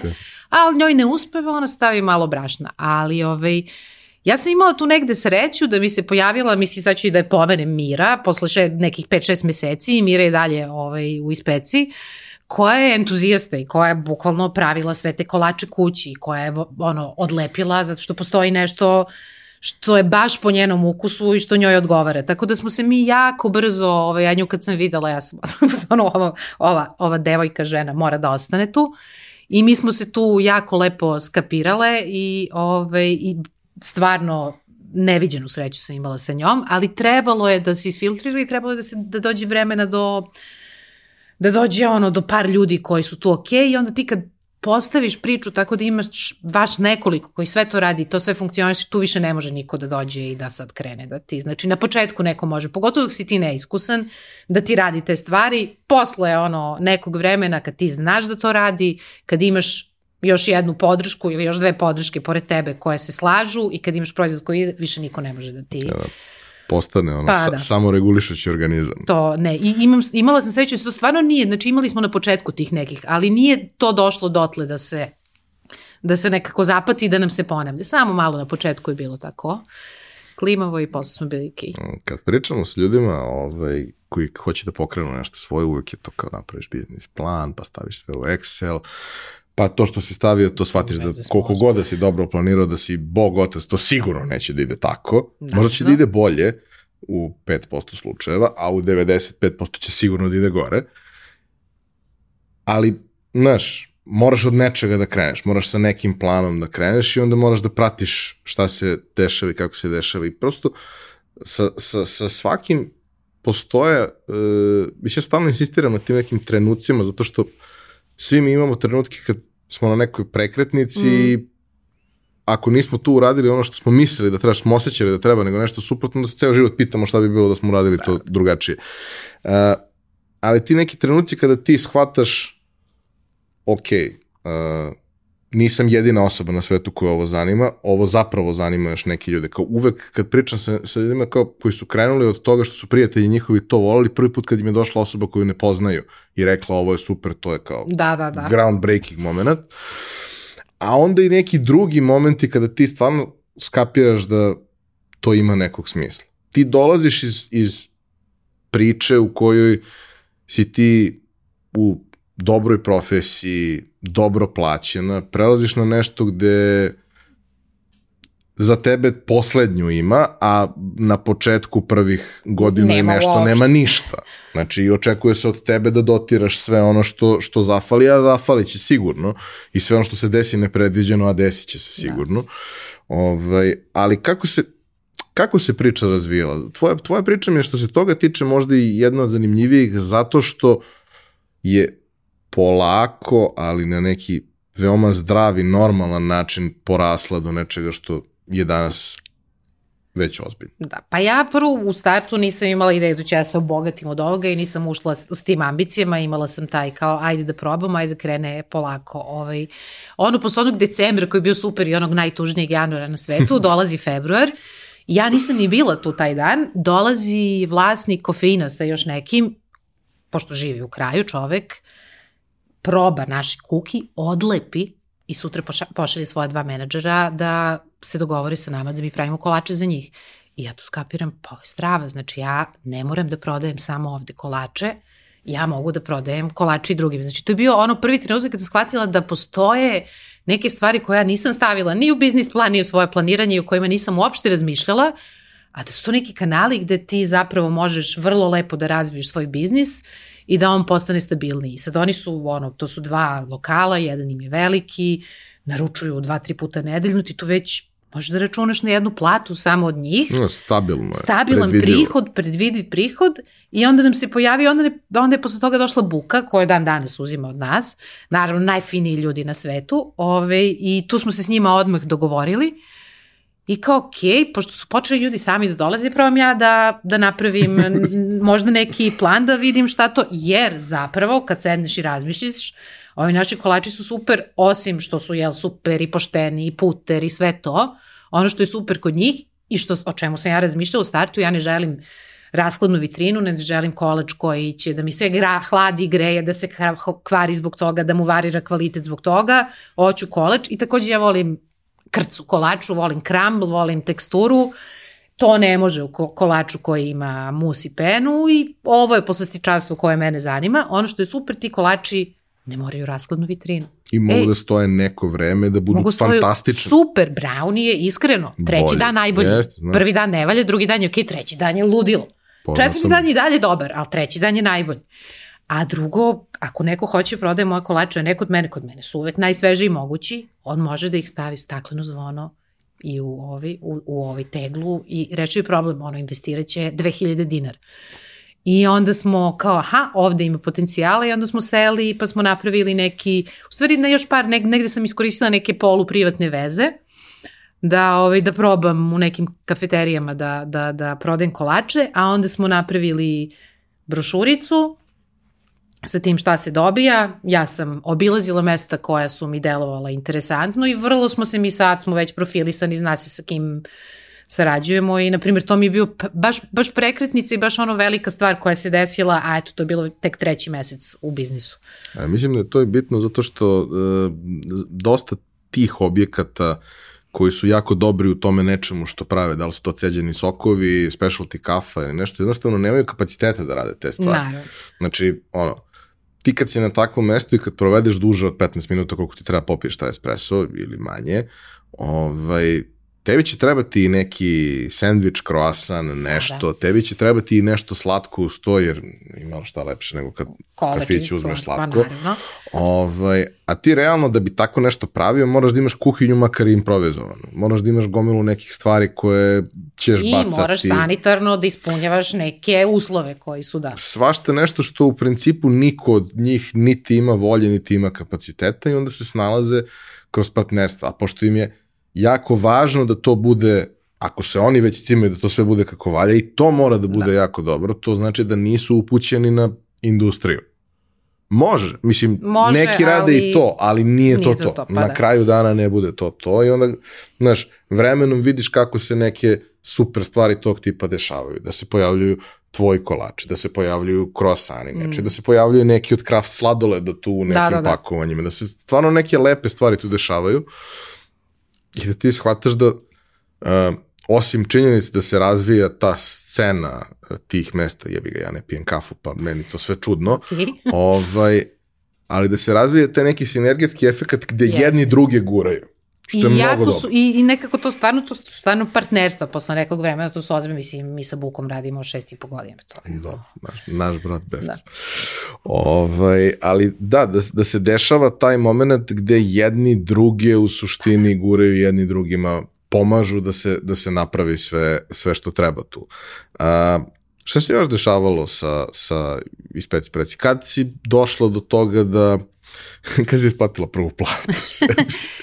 Ja, ne znam, znači ja sam tih prvih godinu, godinu i po dana radila advertising tezgi, mislim, ja sam od toga zarađivala ovako i onda sam počela, uvijek je bilo kao isplatim plate, pa onda sebi isplatim minimalac, ali negde oko 20. narednog meseca, tako. E, mislim da je neka treća godina gde se desi onaj glupi COVID, ali tu smo mi došli najzad da to postaje profitabilno u smislu da ja sebi isplatim platu kad isplatim i ostalima, da je sad kao to profitabilno na taj način. Neobilno, ali... Neobilno, ali kao redovno i kao ne kasni moja plata i nije kao moja poslednja i onda smo morali da zatvorimo. Ali ta treća godina je bila baš, tu se baš osetio ozbiljan skok, znači to je 2019. jesen, zima, tu, tu je jednom toliko skočio i posle sam ja tad prvi put počela da razmišljam o opciji drugog lokala, mislim, koji se desio, jel? Tek, tek letos, ali tad je, tad je počelo ozbiljno da raste. Znači, do, u tom trenutku je već narastao, mi smo prvo ovo za kafiće, na primjer, radili tako što su oni dolazili kod nas, E onda posle nekih godinu dana sam ja našla nekog da to distribuira za nas, jer je to dovoljno poraslo da se sad isplati i meni da ja platim nekog da se ono da je to okay, pa je onda to naraslo, pa su onda pa su onda počele to je posle covida drastično palo, ali počele su IT firme na primjer koje imaju one i Happy Friday ili tako nešto. Svaki petak smo imali neku drugu IT firmu za koju mi pravimo ono gomilu kolača, što je isto strava i baš smo imali neko to to je bio redovan prihod. I bilo je onako malo, malo je krenulo da bude napeto da se sve to napravi. Ne, što je super. Postoji tu taj dosta e, problematičan trenutak što kad imaš tako nešto, kad je mala, mala proizvodnja, ti udari su problem. Da. Ti možeš da rasteš, ti, ti si u proseku ok, ali taj prosek nije realan, zato što, ne znam... Imaš dane kad... Imaš ponedeljak da. koji je užasan, imaš petak koji je užasan, da. i onda utorak i sreda su lagani. Da, da, da. Ali dobro, mislim, to su slatke muke. Na, Jesu, kad ima posla, ono, super je. Doći ću ja da pečem, kao sve je okej, okay, kao samo da ima posla. E, još jedan bitan moment, ti si rekla da, da nisi imala želju, nisi imala nameru da se obogatiš od toga, da, da nisi to s tim ciljem pravila. E, kada kreneš sa jednim objektom koji je lep na divnom mestu, ima super onu klupicu ispred i ljuljašku i sve to, nije ljuljaška baš za mene, ali klupica jeste. Ovaj, na sjajnom je mestu, sve je super ali konačan, znači on može da napravi u najboljem slučaju neki promet koji je x, y, z, jednostavno ne može da ne bude može veći od da. toga i to je to. A mnogi ljudi mislim da kada ulaze u tako nešto, imaju jako nerealno očekivanje od prvog da. lokala, misleći da, ne znam, gledajući konkurenciju koja postoji 10 godina. I druga koja konkurencija pravi... laže, to moram da ti kažem. Ljudi masovno lažu da im ide mnogo bolje nego što im ide. Dobro, mislim, i to se reši tako što sedneš ispred i prebrojiš šta je bilo tog dana. Što ne znači da taj jedan dan je možda da, dobar da, primer. Ali... Treba sedneš na 7 dana da prebrojavaš, onda bi te već čudno gledali. Ovaj, ali možeš ti da vidiš negde neki parametre, ali to što on ima u desetoj godini ne može da bude nije isto, pa za da. tebe relevantno. A, pomenula si COVID. E, COVID je sve ljude razvalio. I, ok, prvo desilo se nešto što niko nije mogao zamisliti da će da se desi. Ok, kao mi smo imali, baš sam razmišljao pre neki dan, kao mi smo jedini narod u Evropi ovaj, koji je u prethodnih 30 godina imao dve situacije da po tri meseca živi nešto da, da. Znači, Oba puta na moj rođendan. Svaka čast. Ovaj, ali da, kao, znaš, ono, imali smo bombardovanje gde je sve bilo nenormalno tri meseca, imali smo posle toga COVID. COVID su imali svi, ali mi smo bili pripremljeni zbog da, da. Ali, s jedne strane, dešava se nešto čega se svi plaše i ne zna šta se dešava. Drugo, postoji ta zabrana kretanja, ograničavanje radnih vremena i svega ostalog. Postoji neka državna pomoć koja, ok, znači, apsolutno mnogo znači svima, ali šta se kod vas dešavalo i kako ste se vi prilagodili toj situaciji? Pa ono što je bilo lepo pre nego što je kao full proglašena ta vanredna situacija i ono što mi bilo jako drago i lepo da se dešava, mi smo stvarno napravili neki community tih nekih ljudi koji redovno dolaze, mi smo jako friendly, ja direktno komuniciram sa svim tim ljudima na društvenim mrežama sve i oni su stvarno onako pohrlili pred zatvaranje da kupuju, da pa su nam slali poruke, podrške. Ja sam videla da tu postoji neka želja da se to održi. Ali uh, u onim uslovima koji su bili mi stvarno nismo mogli da radimo i mi smo zatvorili firmu na, ja mislim, puna dva meseca.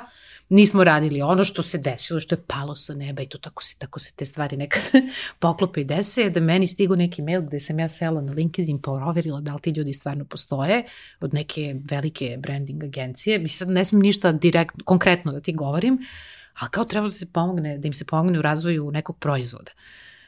E, I da im nešto bukvalno kreativno je trebalo da se osmisli za ogromnog klijenta. I našli su nas i nekih par pekara iz Velike Britanije i kao nas su našli jer nam je dobar Instagram i puno pravimo kao to. I uboli su bingo sa mnom zato što sam ja žena i iz advertisinga i, i poslastičarka u isto vreme. I to je, na primjer, bio neki posao koji smo odradili i od kog sam ja mogla platim neke doprinose. Što je potpuno neverovatno. U, u trenutku kad ja ništa ne, ne privređujem, kao ja mogu da zaradila sam nešto od tog svog znanja i iskustva i od toga što je to pravim lepe kuke i to je bilo lepo i onda smo, kad smo otvorili, to je bilo ludilo. Znači kad smo otvorili, e, ono, mi smo to proleće, mislim da smo otvorili u maju, mi smo se razvalili od posle. Znači ljudi su, to leto, leto je obično jako loše za, za kolače, to bi ti vjerojatno svako rekao ko se bavi Osim kolačima. Osim ako imaju sladolede i te da. stvari, ali ako je nešto što ako je toplo, da Neće neko ovaj, toplo. Da ali ovaj, mi smo i to leto se ubili, baš smo imali jako puno posla i u stvari to je posljedice toga što niko nigde nije išao, nedostajali smo ljudima i mislim da kao nikad posle i pre toga da ja znam da je postoje taj neki baš snažan osjećaj da se pomogne svoj zajednici, mm. da se mhm. pomaže malim biznisima. Svi su imali neku sve, svako je na neki način imao posledicu finansijsku od tog COVID i onda je hteo eto da vesna, mesta koja su mu važna, da ih, mislim to sam i ja radila, ono, išla sam po malim kafeterijama da kupim kafu, išla sam, ono, kupovala sam u manjim marketima, bukvalno sam radila svesno to da kao, eto, opstanu svi ti mali biznisi. Mislim, iskreno, da, da je postojala mogućnost da vi radite tokom COVID-a, ja mislim da biste imali vrlo pristojnu prodaju, zato što su ljudi sedeli kući i jeli. Da. Sve ljude koje smo videli tri meseca kasnije, svi su imali 10 kila Svi su malo, da, da, da, jeste. Ovaj, jer, mislim, ako, ako je nešto comfort food uz jeste. film, definitivno ono što vi pravite. Ali, naravno da je problem znam ljude koji su nalazili načine da rade, pa je u suštini na kraju dana najveći problem bio ono commuting za, za njihove zaposlene. Da. Mora nekako da dođe na posao i mora nekako da se vrati. opcije. Mislim, bukvalno sam sela, stavila na papir i kao preveliko nam je maltretiranje. Ovo mora da prođe, kao što je i prošlo, kao pregrmećemo. I dobro, desilo pa, se da. to što se desilo, tako da je još malo ono, kosmos Olakšao, rekao, da, ok, da. hajde. Kao ok, radite nešto kako treba. Um, I sad taj povratak u, u, u tokove, mislim, mi smo imali nakon toga, mi i dalje svi pričamo da, da je COVID tu, bez obzira što je, ne znam, zvanično pandemija ukinuta i sve i dalje sad znamo ljude koji su pozitivni, da, koji da. prolaze kroz ono, neki ni ne osjećaju, drugi prolaze kroz agonije, to će vada tako, znaš, ono, ostatak života imamo i COVID u, u ponudi od, od svega ostalog. Ali, uh, koliko vam je trebalo vremena da se oporavite od, od tih uh, par meseci i da se ponovo uhodate kao, kao ekipa i kako si počela da razmišljaš o, o, o tome šta dalje i kako dalje? Pa ekipa se mahom vratila, to je bilo super. Znači svi koji su, znači svi su se vratili i naši smo, trebalo nam je neka devojka za prodaju, jedna se preselila nešto u inostranstvo, ali smo mahom svi ostali isti. Ali ono što nam se desilo da smo svi ono, pa jedni za drugim ili isto vreme imali koronu i to je bilo onako. Ono što isto bilo problem, kod nas su ljudi dolazili jer nisu osjećali se kao ugroženo, jer smo mi pre svega prodavnica, ne sedi se, ne bleji se, može da se sedne, ali ni neki veliki posao, ne stvaraju se gužve, ali jako puno kafeterije sa kojima radimo nije radilo i onda nam je taj deo prihoda uh, prosto nije postojao je bio jako smanjen, jako malo njih je radilo. Tako da nam je trebalo par meseci dok se samo to sve oslobodi, dok mi sve onako kolektivno, inače kod mene samo rade žene, dok mi sve žene kolektivno ne preležimo COVID i onda znamo da smo mirne par meseci, bukvalno smo se smenjivale, to je bilo neverovatno i onda Znam da je bio jedan period kad ja, ja ne mogu se setim, ali ja mislim da sam ono 10 dana za redom samo ja pekla kolače, jer nije bio ko drugi, jer sam ja taman preležala pa sam bila ok, a drugi dve devojke su se razbolale. Ali trebalo nam je par meseci da se nekako dođemo na svoje i negde na jesen, u stvari kad je krenula malo ta, ovaj, kad su malo pustili kafeterije i kafiće da rade normalnije, onda je tu, tu sve leglo na svoje i krenulo da se. Znači to je negde 2020. na 2021. tad nam se malo stabilizovao posao. A kaži mi, kroz, kroz taj period od tih nekoliko godina, uh, kako, se razvijao, kako su se razvijali proizvodi, odnosno šta se menjalo mm -hmm. po pitanju proizvoda? Znači mi imamo tu osnovnu ponudu i ona je tu i postoje bestseller i to ne sme da se ovaj, da se menja, to ostaje i to su neki kolači koje kad god uđeš uvek ćeš naći tih par kolača. Ali ovaj, carrot cake nismo imali na početku pa su nam ljudi tražili uh, Pa smo mi kopali, tražili, tražili, tražili recepte. Jako smo se dugo oko carrot cake-a baš cimali, dok nismo našli savršen balans. I onda smo negde rešili da sezonski neke stvari ubacujemo, pre svega kad su pite u pitanju, pogotovo što su nas ljudi pitali pumpkin pie kao jesen, pa smo napravili pumpkin pie. Inače, ono veliko olakšanje najzad u Srbiji mogu da nađem pire od bundeve, ne moramo lično da ga pravimo, pošto to veliko smarenje da uzine puno vremena. Uh, Pa smo onda napravili pumpkin pie, pa kao jao leto je možda da ne pravimo jabuka i kruška pitu jer ona baš jesenje, šta bi mogli, pa smo pravili e, breskvu, ovo leto smo, na primjer, pravili nektarinu, trebalo mi je šest godina, kao je možda nektarina od mog najomiljenijeg voća na svetu, možda možemo napraviti pitu. Pita je fenomenalna. A, tako da smo gledali kao gde možemo novi, no, ovaj, noviteti. Isto tako, te neke, neke devojke u kuhinji rade dosta dugo, isto su lude za kolačima, kako imaju neku želju da nešto probaju, mi probamo. Jedina stvar koja nam je, znači svi, svima mora da nam se dopadne. Ne mora da bude po mom ukusu ličnom, ali moram da prepoznam da je dobar kolač i svi moramo da se složimo da je taj kolač e, dobar da bi uh, da bi ušao u prodaju. Kukije s vremena na vreme uvedemo novi i negde probamo neki ono kupovni limun kuki, dobar nam je, ajde napravimo naš, ali bolji od tog. Pa onda sednemo pa kao eksperimentišemo dok ne dođemo do... Ili, na primjer, iz zahteva ja ne želim da pravim row i bezglutenske kolače, to nije moja niša, ali ako mogu da napravim nešto što se uklapa u moju ponudu, ukusno mi je, i kao jeste ono u, svoj, u svojoj suštini američko, ajde da napravimo, pa smo napravili taj sandvič kolač koji kao neka naša mnogo upgradeovanija verzija rizisa. Mhm. Zato što koristimo belgijsku tamnu čokoladu i tako. Tako se otprilike, znači, krećemo se u okvirima koje su i dalje Amerika, karmelita su Južna Amerika, to se desi, karmelitas nam je isto jedan od prodavanijih kolača, uh, a desio se tako što je neka žena je odustala od toga, ali potpuno je, velika je carica, muž je argentinac i oni su tamo u Argentini, Južnoj Americi je dulče de leče popularniji mm. nego Nutella ovde.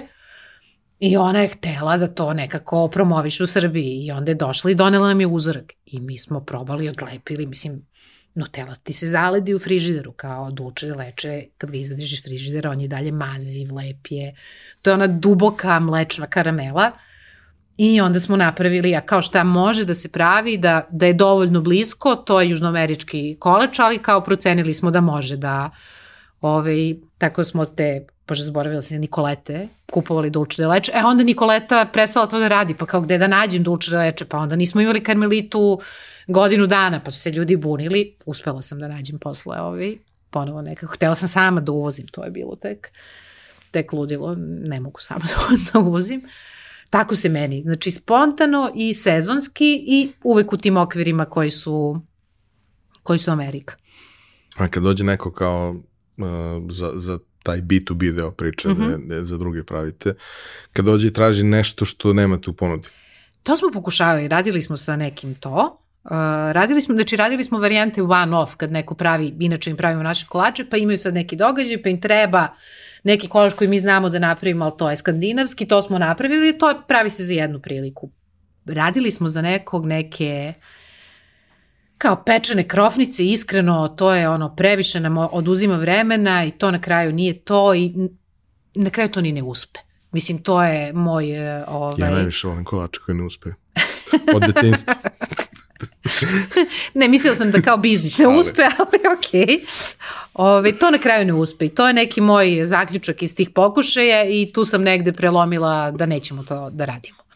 A šta, mislim, ok, imaš naravno brošuru za to sve, ali šta podrazumeva e, ta vrsta saradnje, odnosno šta, šta lokali mogu da dobiju? Znači ne mogu da dobiju sve što mi imamo u lokalu, to bi bilo suludo i prosto postoji razlog zašto mi imamo ljude da dođu kod nas. Ne mogu da dobiju ove kolače koji su kremasti, ne mogu da dobiju otvorene pite, ali ono što je nekako neke malo manje verzije naših kuhije mogu da dobiju, mogu da dobiju brownije, mogu da dobiju blondije, mogu da dobiju zatvorene američke pite, kolač čargarepe. Ja mislim da svi prepoznaju naš kolač čargarepe kad ga ne jedu kod nas. Mislim, meni tako stižu na Instagram poruke, je li ovo vaš kolač, je li ovo vaš brownie. Neki ljudi kažu da su to naši kolači, stave to u meniju, neki ne pomenu, ali uglavnom ljudi prepoznaju da su to naši kolači. Bukvalno kad probaš jednom naš brownie, kad ga probaš ponovo, znaš da, da nema greške, da je to taj brownie. To je to, mogu banana hleb i mafine. Znači to je, sveli smo tu ponudu da je to... Ali mogu da recimo kažu nama treba manja verzija ovoga svega i... Za neke stvari može manja verzija, za neke, za neke im ostavimo da sami seku, na primjer. Mm -hmm. Dobro. Uh, ok, 2023. godine uh, oporavili ste se od svega, da. recimo, na primjer, ovaj, i ponovo se vraća ta ideja o tome da treba drugi lokal. Odnosno, verovatno ta ideja stoji sve vreme, ali da. Staje, stoji kod mene za razne stvari, pa prolaziš ulicom i najđeš na lokal koji je super, onda pitaš koliko je, onda Tačno tako. shvatiš da šta od parnih organa imaš pa bi mogao eventualno da daš. Ovaj, I redko se desi da se dogodi poklapanje, gde, gde to ima nekog smisla i lokacijski i da taj, u taj lokal ne mora da se uloži 100.000 eura da se renovira i da je osoba razumna i da traži neko ko je okej okay, i ko će na duge staze da bude tu, da ima neki siguran prihod, da zna da će oni da paze to kao da je njihovo. Kako se tebi desilo da otvoriš ove lokal na granici? Da, na granici Vračara i Zvezda. Zvezda. Ovaj, ma ja sam jako dugo isto tako tražila lokale, jednom trenutku sam samo odustala, zato što sam videla te cene i to je suludo, za te cene ti moraš da prodaš jako, jako, jako mnogo kolača i to nije izvodljivo i prosto Ovaj, a pritom to su neki mali lokali, ono nisu to neki veliki lokali i samo sam to tako neko ostavila po strani i rekla sad stvarno ne mogu više s tim da se bavim, ono godinu dana obilazim lokale, gledam I slučajno sam ovaj lokal u kom smo otvorili u Gvozićevoj, jer meni je osnovna ideja ono što sam shvatila dole, mi smo na lepom mestu, ali nekako nismo u centru. Izmaknuti smo, nemamo mi tu neku veliku konkurenciju u kraju, mislim imamo blizu Fine koji su super, ali to je potpuno druga vrsta kolača i nemamo mi sad taj problem da je to konkurencija neka, to funkcioni, radimo i jedni i drugi. Uh, ali kao na malom, maloj mesto, kao više si kao neki community. Ja sam shvatila, meni to na duge staze zapravo odgovara, da ja neću na prometnoj ulici gde će bilo ko da mi svrati, gde će da prosto to da si jedini u kraju, da te komšije baš vole i da, znaš, neko s ponosnom kažu ja tu živim kod ispeci pa reci, to je meni, to je meni super i mislim da je dugoročno to zdrava priča zapravo. I ovi, i vodila sam dete bre na neki rođendan tu u komšiluku i prođem pored tog lokala, jer ja tako s vremena na vreme ukucam u Google lokali vračari i onda padam u nesvest od cena i kao zatvorim Google i to je to. I vozila sam dete tu i vidim taj lokal koji je onako jako simpatičan zato što ima taj deo ispred koji je prazan, neka mala ogradica, malo je uvučen, ulica je lepa. Nova zgrada. Nova mala. zgrada, mala, razmišljam, tu može da se stane na sva četiri, sve ja sad to imam u glavi jer dole nam ljudi stanu na sva četiri pokupe odu, kao može da se stane, nije bulevar, a blizu je bulevara, sve je okej okay, i odem kući i ukucam na Google lokali Zvezdara i nađem ga i vidim da je cena razumna, ovaj, odem da ga pogledam, lokal izla u redu, naravno, mislim, rušila sam ja i zidove i menjala sve i sve to i čovek deluje vrlo pristojno, fino, ali sada on mi kaže, jer je to vrlo razumna cena stvarno, da mu se javljaju neki saloni za lepotu i sve to i da on nije siguran, ali kao ja mu se dopadam, ja naravno uradim ove stvari da ga dovedem dole u lokal, da vidi kako to izgleda i koliko je to slatko, jer sam znala da kad vidi i proba, i proba da će znati da, da je to i kažem mu da sam ja od već šest punih godina i da, mislim, planiram dugoročno da ostanem negde i da vidi da posao funkcioniše takođe, da znači nije nešto što će se zatvori za, za dva meseca. I u stvari sledeći korak je bio kao hajde da me on sačeka i stvarno je čovjek ispao korektan da vidim da li ja mogu da dobijem kredit. Mislim, prepostavila sam da mogu, to je sad neki proces koji traje. Kad sam dobila da od, od banke, onda smo se dogovorili i onda smo ušli u renoviranje. I sad imate uh, simpatičnu poslastičanicu između prodavnice oružja i boks kluba. Jeste, ali ekipa iz boksing kluba je predivna, to moram da kažem. Tako zvuči kao da su predivni. Su i uglavnom devojke treniraju, što je isto. I niko ne sme ništa da vam kaže. Naravno. Niko ne sme da Odmah se smo se mi tu skontali sa ovaj, vlasnikom boksing kluba, tako da... Uh, to sad znači s jedne strane uh, sređuješ lokal od nule sa nekim znanjem koje sada imaš, a nisi imala da, kada da, si da. sređivala prvi i treti još ljudi. Da. Što znači da treba ekipu koju si napravila, koja je kor, koja je super, da proširiš i možda da podeliš, jer ti treba neko iskusan da, da, da. i u novom objektu i sve. Kako to ide? E, prvo smo imali dodatnu sreću da žena koja je radila kod nas tri godine nam se vratila posle godinu dana, što je kao je i strava. Znači, jednom imaš još jednu super osobu u kuhinji. A ono što se meni dešava i što, što je jako lepo i što ne znam ono kako sam zaslužila je da te devojke koje rade u prodaji, bukvalno imam lance. Znači imam 3-4 lanca da mogu jednu njih 5-6 da ti povežem kako su došli. Znači ja ne tražim uh, aktivno zaposlene na internetu preko oglasa, one bukvalno preporučuju svoje drugarice, mlađe sestre, drugarice i onda su to sve neke okej okay osobe. I to prosto tako funkcioniše i stvarno im sreće sa prodajom. da ove, jako redko mi se dešava da kao baš moram da oglas, poslednji put kad sam imala sreću sa, sa kad sam raspisivala oglas, došla je Milica koja je tu došla odmah posle covid znači ona je tu već tri po godine, koja je ovaj, strava i radi i super. Ja uglavnom sam tako, tako da sam ja krenula već njima da puštam ovaj, priču ako imaju neke drugarice mi preporuče, tako smo tu negde popunili. Naravno i dalje, za Gvozdiću treba dopuniti ono što znam isto iz prethodnog ovaj, lokala je da ti ne možeš prvih par meseci, a i godinu dana, da imaš tu vrstu ovaj, proizvodnje koju imaš gore, da treba vremena, tako da manji broj ljudi može, može da radi u kuhinji. Tako da se trenutno tako snalazimo, ali ovi, nije još kompletiran tim za, za, za drugi lokal, ali ide ka tome. Ono što je isto karakteristično za, za to što vi radite i čini mi se jedinstveno, ne znam da postoji neki takav slučaj, e, baš kad je poslastičarstvo u pitanju, e, što mi možemo da vidimo da. kako se sve dešava. Moj prijatelj Verko ovaj, iz poslastičanice sa stavom koji u uh mhm. -huh. suštini sladoled, sladoledom da, da, da. Za, se bavi Super, jeli, već sladoled. duže vreme, ovaj, posljednjih 30 godina. Uh, on je imao taj moment uh, u onom lokalu u Birjuzovoj da. gde, gde nisu više, da je deo proizvodnje u staklu da se vidi sa ulice i da stoji natpis mi pred vama nemamo nikakvih tajni. Mm -hmm koliko on nema tajni pred nama, govori to što sam ja redovno dolazio da gledam proizvodnju i da probamo u proizvodnji i ostajali smo do tri ujutru da, da, bi, da. da bi komentarisali sladoled i sve ostalo. E, ovo je slično. Ok, mislim sad, ja mogu da gledam do preko sutra da mi nije jasno šta se tu dešava, ali vidim da je to sve ok, vidim da je dobra atmosfera između da. ljudi, vidim da je uredno, vidim kako su one organizovane jer to se peče pa se vadi pa, pa onda zamiriše kad se izvadi da. i tako dalje, svašta, hiljadu lepih stvari. Uh, I oba lokala su takva. Yes. Znači, ne mogu da budu lokali od 10 kvadrata, jer u 10 kvadrata možeš možeš samo da, da imaš prodaju, da, da, da. ne možeš tu da imaš pripremu svega toga.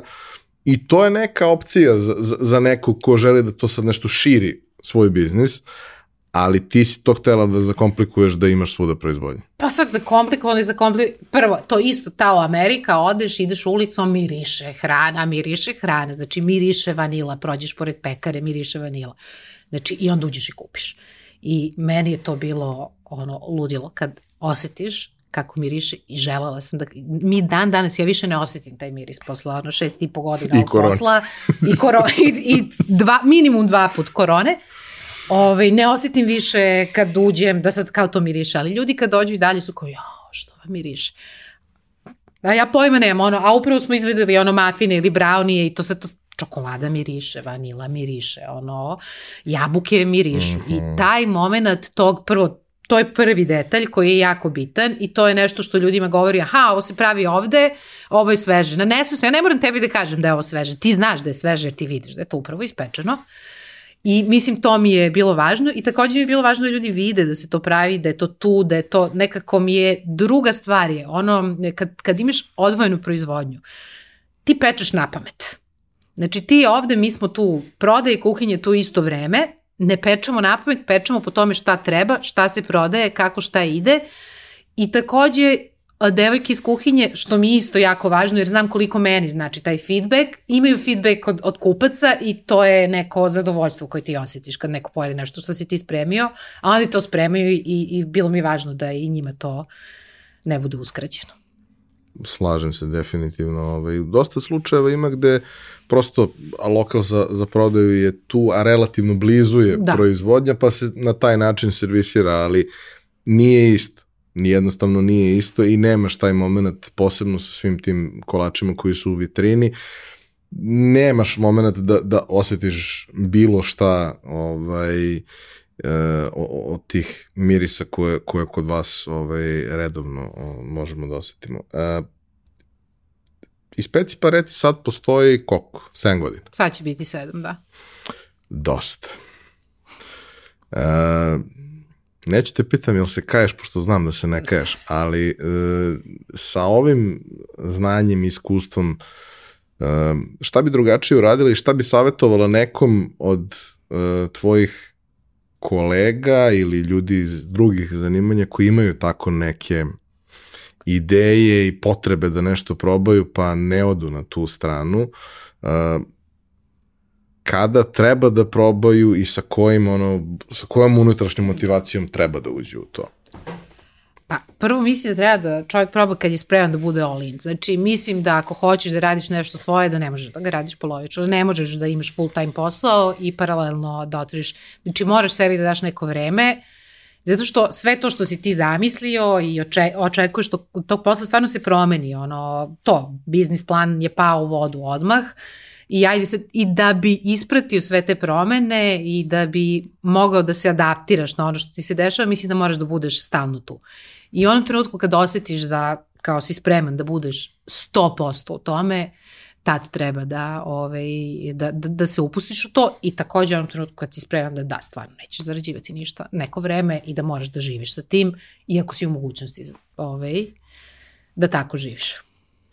I verovatno moraš da, pored novca koji ćeš uložiti u startu za to, moraš Mora neko postoji, vreme da, da imaš moraš, rezervu moraš, koju ćeš dotirati moraš. po potrebi. Moraš, gled, ono, ako imaš sreće to neće biti previše, ali prosto bit će tih ono, teških meseci kad je malo. Nama je, na primjer, ovo leto, ali to je iz razgovora sa, jako, mislim, meni je ovo leto da. bilo teško, jer sam otvorila drugi lokal, što je ogromna investicija, drugi lokal ne može da počne radi na nuli, mora da radi u minusu neko vreme, ali sam od jako mnogo gostitelja čula da im je ovo leto posebno bilo loše. Da, bilo je užasno. Da.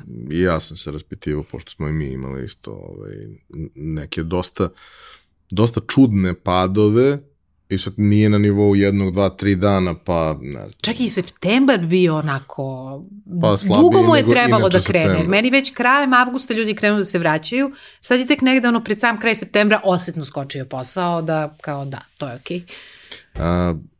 šta bi ti, ok, pre pet godina ili šest kad smo pričali prvi put, ti si rekla to za poštene kolače, da. ja to pamtim i citiram stalno, uh, ali sada, kada se to sve, kada je to sve sleglo i kada je to postao stvarno biznis, ovaj, kako bi opisala to ti kao neko ko je to stvorio? Jedna stvar je šta su utisci svih nas koji dolazimo, ali kako bi ti to sada opisala? Ma mislim, to su i dalje ono, pošteni kolači Naravno. koje se spremaju ono ispred ne znam, bukvalo je, i, i, ono, ne, sad ne znam kako da opišem kroz jednu reč, ali kao kad smo pričala sam sa drugaricama skoro, šta bi radili da imamo ono gomiletinu para, ja sam samo shvatila da bi radila isto ovo. Možda bi to radila na nekom drugom mestu, ali kao stvarno, to je apsolutno ono, ne znam, baš nenormalno mi ispunjava, potpuno je, čak i kad ne stižem da ga radim na dnevnom nivou, uh,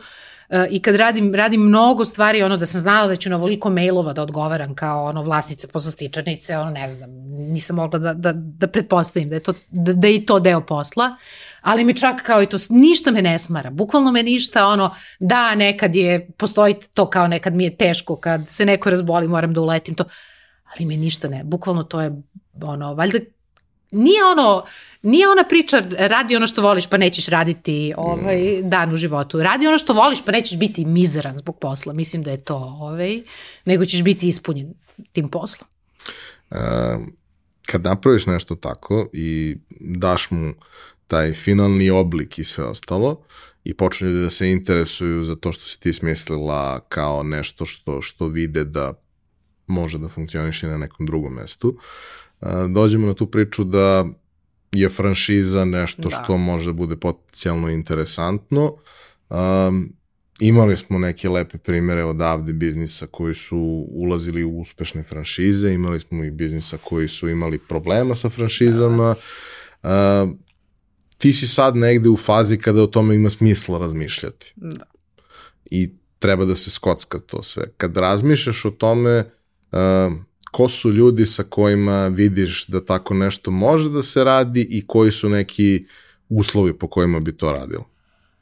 Pa, radilo bi samo sa, mislim, ono, krenulo bi sigurno sa nekim s kim se kapiram, to je jako, znači, stvarno nisu pare tu glavni motiv, mislim, super su pare, da se razumemo, nije, ali mislim da je važno da, da imate taj isti, znači, uh, isti pogled na stvari, da na isti način, a to mislim da mora da se vremenom, da ti treba vremena. Ono što je super i što me ovaj posao naučio i preduzetništvo kao takvo, jer radiš sa najrazličitim ljudima, mnogo bolje čitam ljude nego ranije.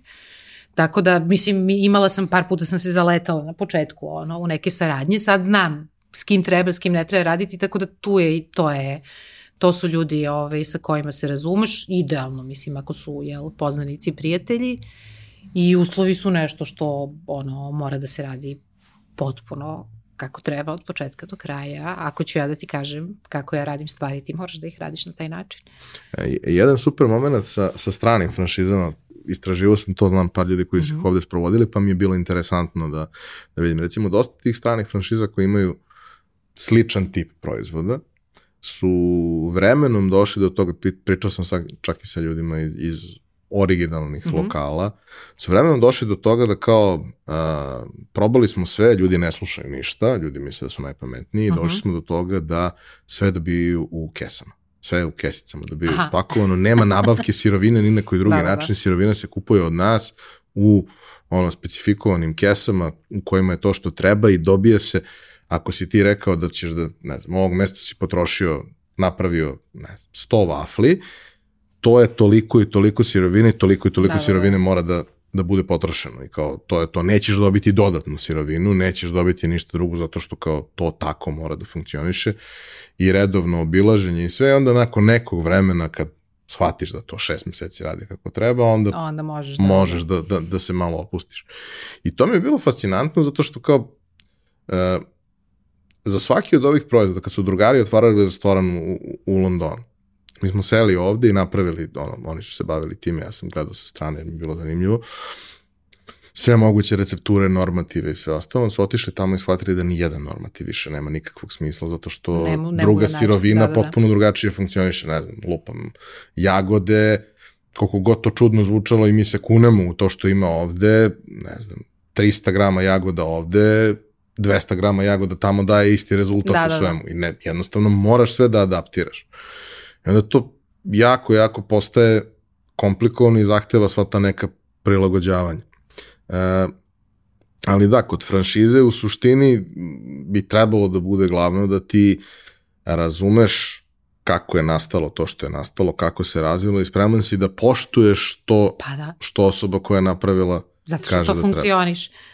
I nema tu prostora za slobodni utisak. Kao što nema prostora da se doda brašno u brauni. ne može, tačno tako. Dobro.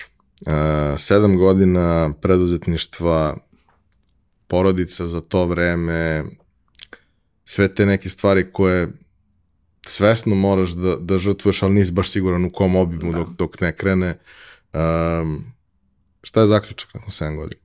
Ma isto bi opet možda, možda samo i ranije, eto, to je, to je zaključak.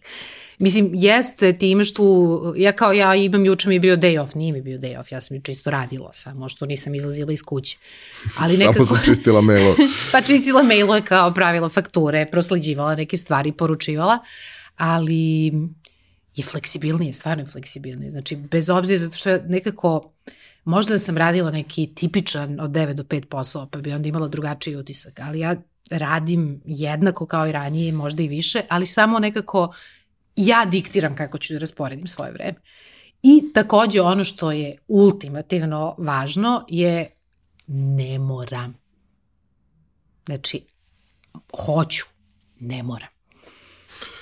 A i taj osjećaj kad da, vidiš te ljude i grimase koje prave. Ma to, to je ono, to me radilo i dalje me radi kad vidim kad probaju kolač. Kad, znaš kad neko dođe na cheat day pa pojede, pa kao šta ću da uzme, pozme dva kolača na cheat day, ja ono super. Znam. A, dobro. pa smo imali ono to neko dođe pa se isplače raskino pa kao ali kao ok tu smo da te utešimo da porazgovaramo sve je ok ali taj moment to da kao ne moram a hoću to je napravila si jednu malu oazu na Dorčulu, sad praviš jednu malu oazu na granici među Vračara da. i Pezdara.